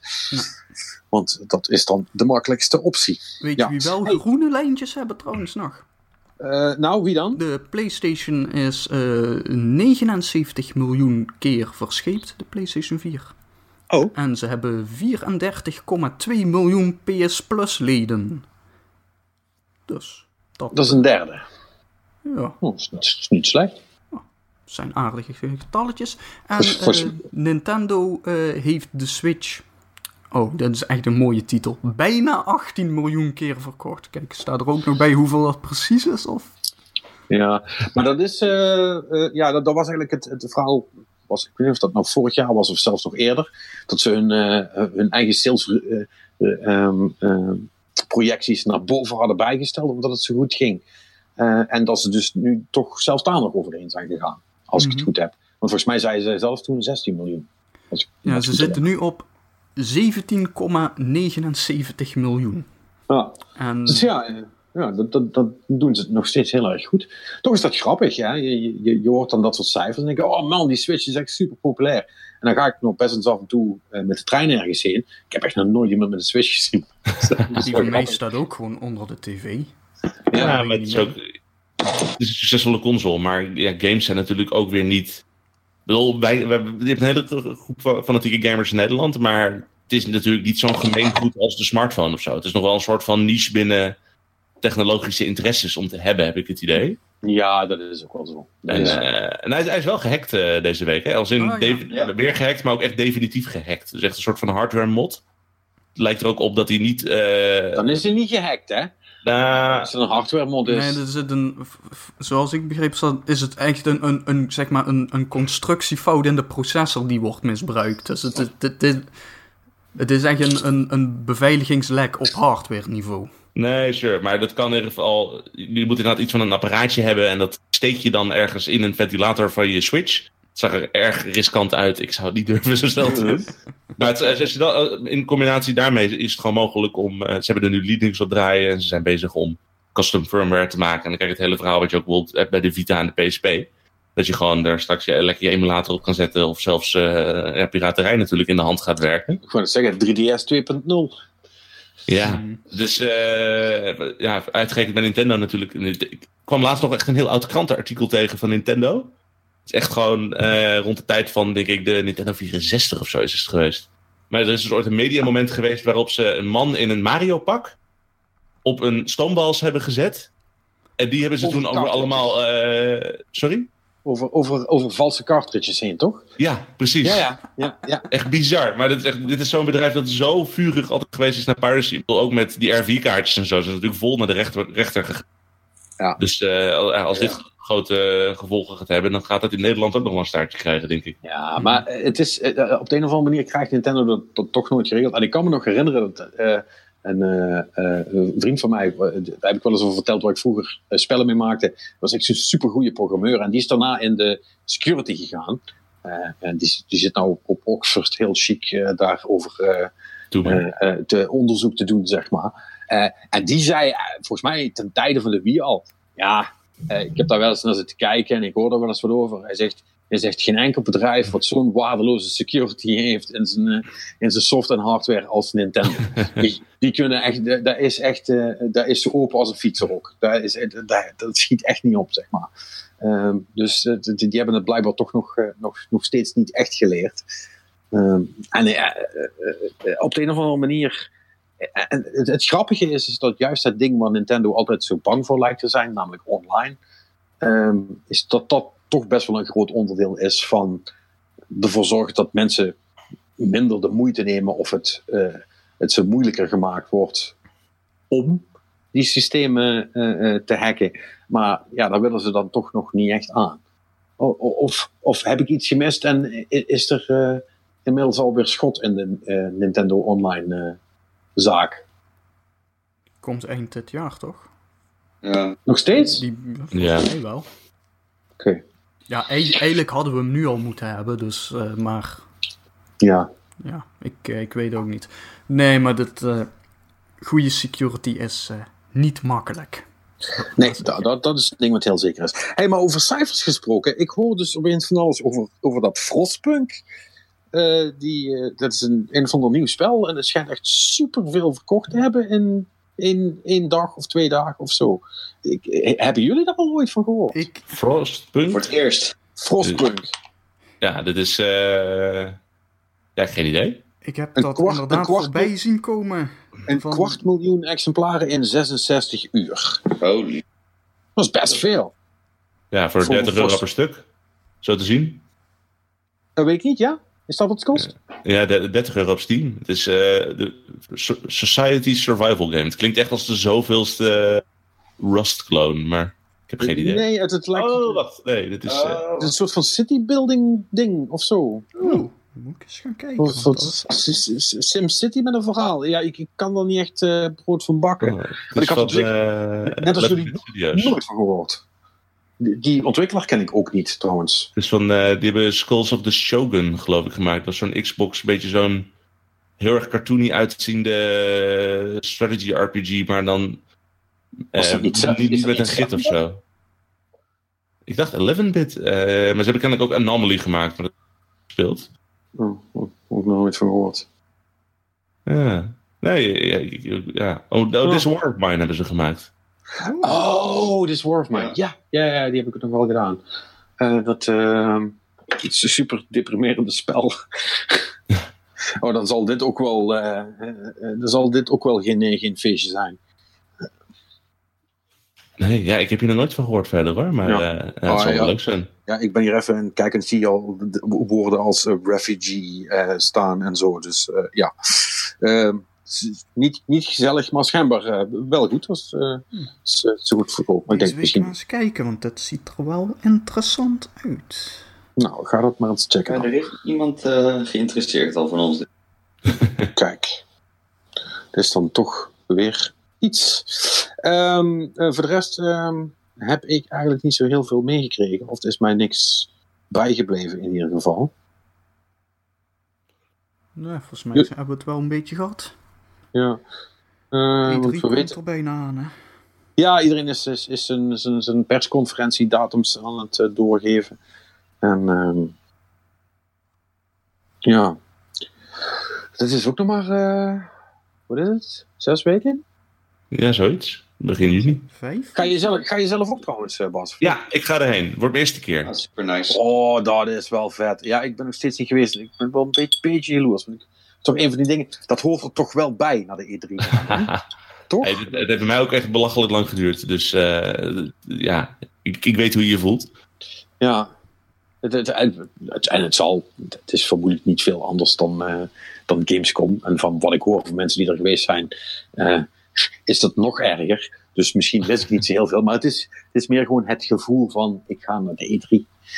Uh, ja, dat kan je het zeggen achteraf. Ja, ik ben er geweest. Ja, ik Ja. heb wel het idee dat. Ik, bedoel, we gaan dus, ik ga dus in mijn eentje voor heel nu.nl. En gezien de hoeveelheid persconferenties heb ik het idee dat ik er echt als een gek heen en weer ga rennen bij elkaar. Dus ik heb er nog niet heel veel zin in. Maar eh, misschien wel als ik er ben. Ja, het is, het, het is, het is, eh, maar dat is, het, dat is het ding altijd. Hè. Ik, bedoel, ik heb dat elk jaar opnieuw met Gamescom. Staan- dan zit dat eraan te komen en denk oh ja, leuk man, Gamescom. En hoe dichterbij het komt en hoe meer ik zie hoe het schema eruit ziet en wat er dan nog allemaal gedaan moet worden en ik me weer realiseer hoe ver dat, dat allemaal lopen is, dan denk ik van, oh man, dan moeten we dat weer doen. dat is echt, eh, eh, het is echt zo- zo'n eh, blessing en a curse op, op, eh, op, op hetzelfde moment. Dus, eh, nou ja, het, het hoort erbij, toch? Zeker.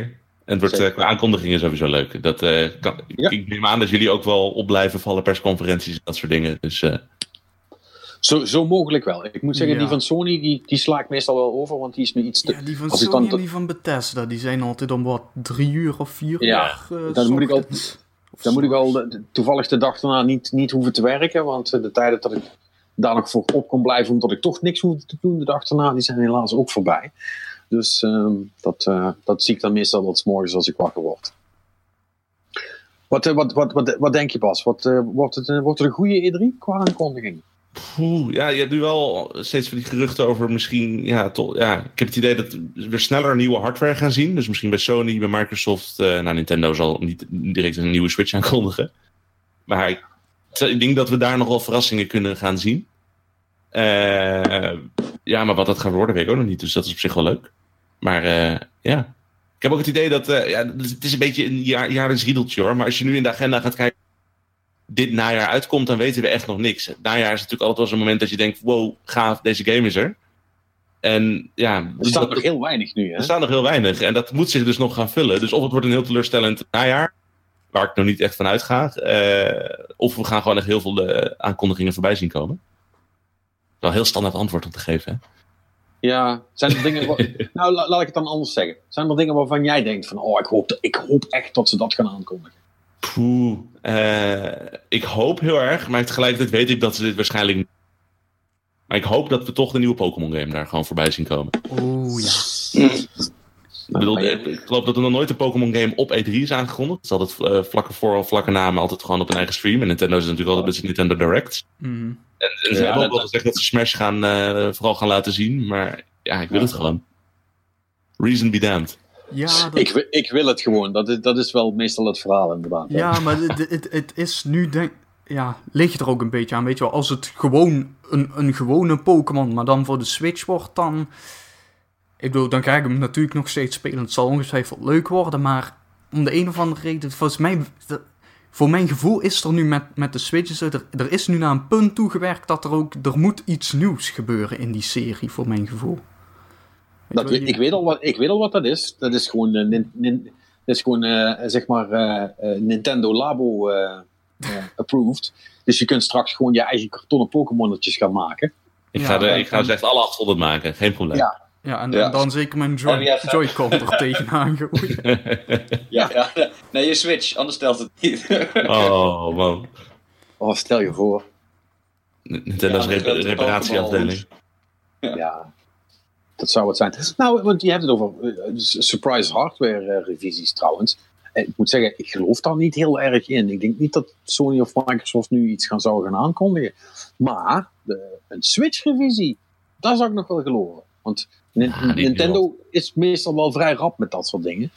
Dus de- die zie ik nog wel een soort van eh, Switch Plus met meer intern geheugen en dat soort flauwkul. eh. Ja, of nu die misschien wel. dat ze voren duwen, hè? Wat zeg je? Nu het gehackt is, dat ze, me- dat ze het naar voren duwen. Inderdaad, een nieuwe een upgrade van. Dat hebben ze met eh Ja, ja, dat, dat dat- ook heel veel gedaan. Dat is wel inderdaad Nintendo's standaard respons op onze consoles gehackt. Oh, dan brengen we een nieuwe versie uit wat dat niet kan. Ja. Ja. ja, maar qua timing dan. Ik, bedoel, ik, ik geloof er sowieso wel in dat ze een slide, of hoe je het maar wil gaan noemen, maar ik denk dat het nu nog te vroeg is, want het is nu ook nog wat, net wat te pijnlijk om een jaar, binnen het jaar dat je Switch hebt gekocht, nu al te zien van, eh, oh, nu is er alweer een nieuwe. zit ik dan. Dat was bij de, Eh, dat is dat bij de DS toch ook altijd zo Ja, dat geweest? ging echt super snel. Nou, maar het ding is ook, Ja, als nu, je hebt nu, nu natuurlijk gewoon die, eh, die hardware. Ik kan me voorstellen dat ze nu iets hebben van, eh, oké, misschien moeten we even kijken of die nieuwe versie die we nou gewoon eh, bijna in de massaproductie willen gooien, als ze het al willen doen. Even kijken of je dat eruit kan slopen voordat je hem inderdaad op de markt brengt. Dat is natuurlijk allemaal wel vrij recent wat er nu allemaal naar buiten is gekomen. Hè? Ja, dat, dat- is waar. Maar goed, dat wil natuurlijk niet per se zeggen dat ze, de, dat ze er niet zelf al zich al van, ervan bewust waren. En gewoon gehoopt hadden dat niemand het zou vinden. Ja. Ja, maybe. Ja, ik weet niet. Ja, en als ze echt, als, ik bedoel, wat ze ook nog kunnen doen, is gewoon nieuwe kleurtjes. Dat kunnen ze altijd doen. En dat doen ze ook. Ja. Zo, zijn ze, zo zijn ze wel bij Nintendo. Dat, eh, want als er een nieuwe Pokémon komt, dan komt er ook een speciale eh, eh, Pokémon Switch versie.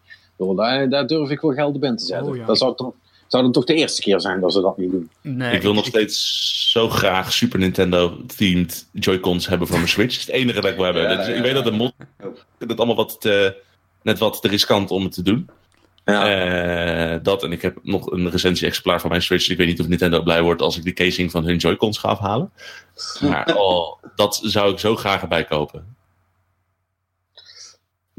Alleen voor die Joy-Cons, ja? Ja, maar de Joy-Cons koop je vaak los. Hè? Dat is natuurlijk ook fijn in de Switch. Je hoeft niet een hele nieuwe gekleurde Switch te kopen. Maar als je gewoon twee Joy-Connetjes erop klikt, ja, dat scherm is zwart, het zit in het midden. Dan kijk je toch maar, alleen maar gewoon naar wat er gebeurt. Maar als die Joy-Cons gewoon in het stel zijn, is het prima.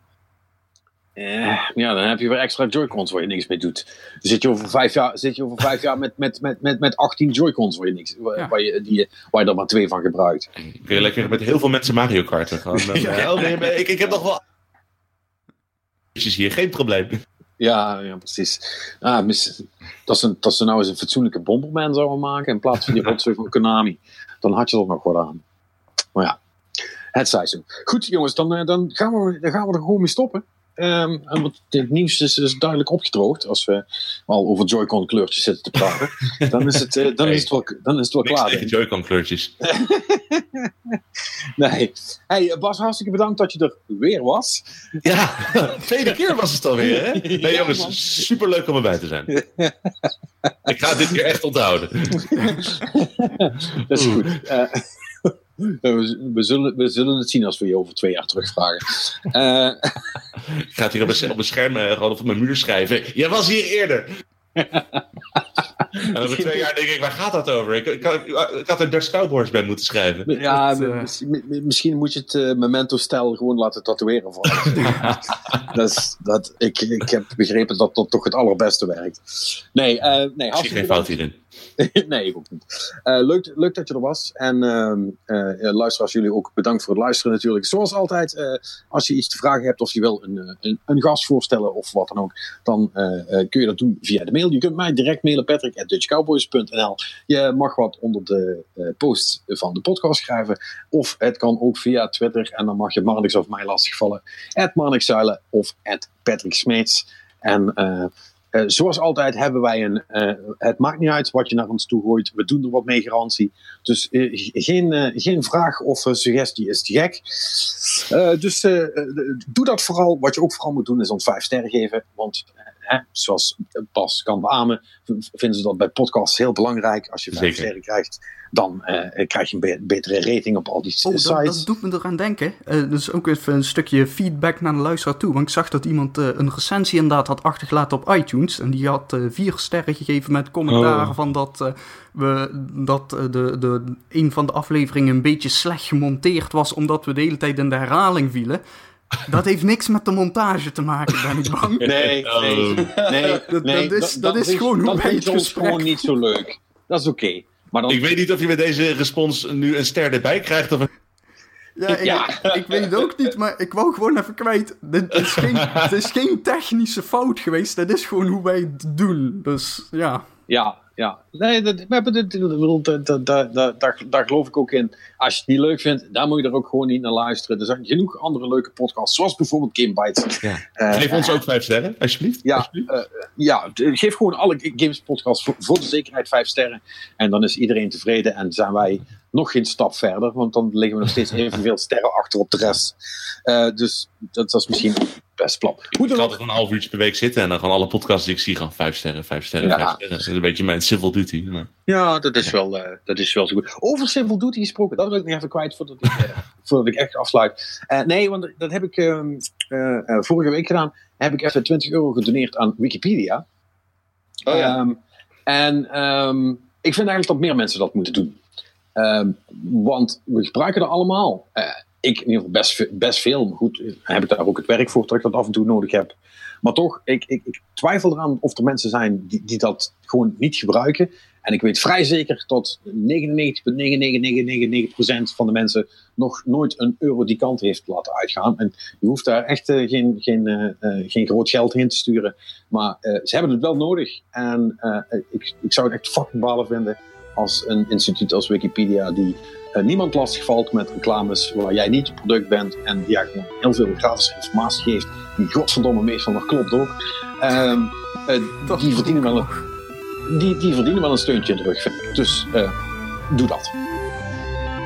Dat is alles. Ehm, met dat gezegd, eh, bedankt voor het luisteren. Dit was de Game Cowboys podcast. Wij zien elkaar de volgende week weer.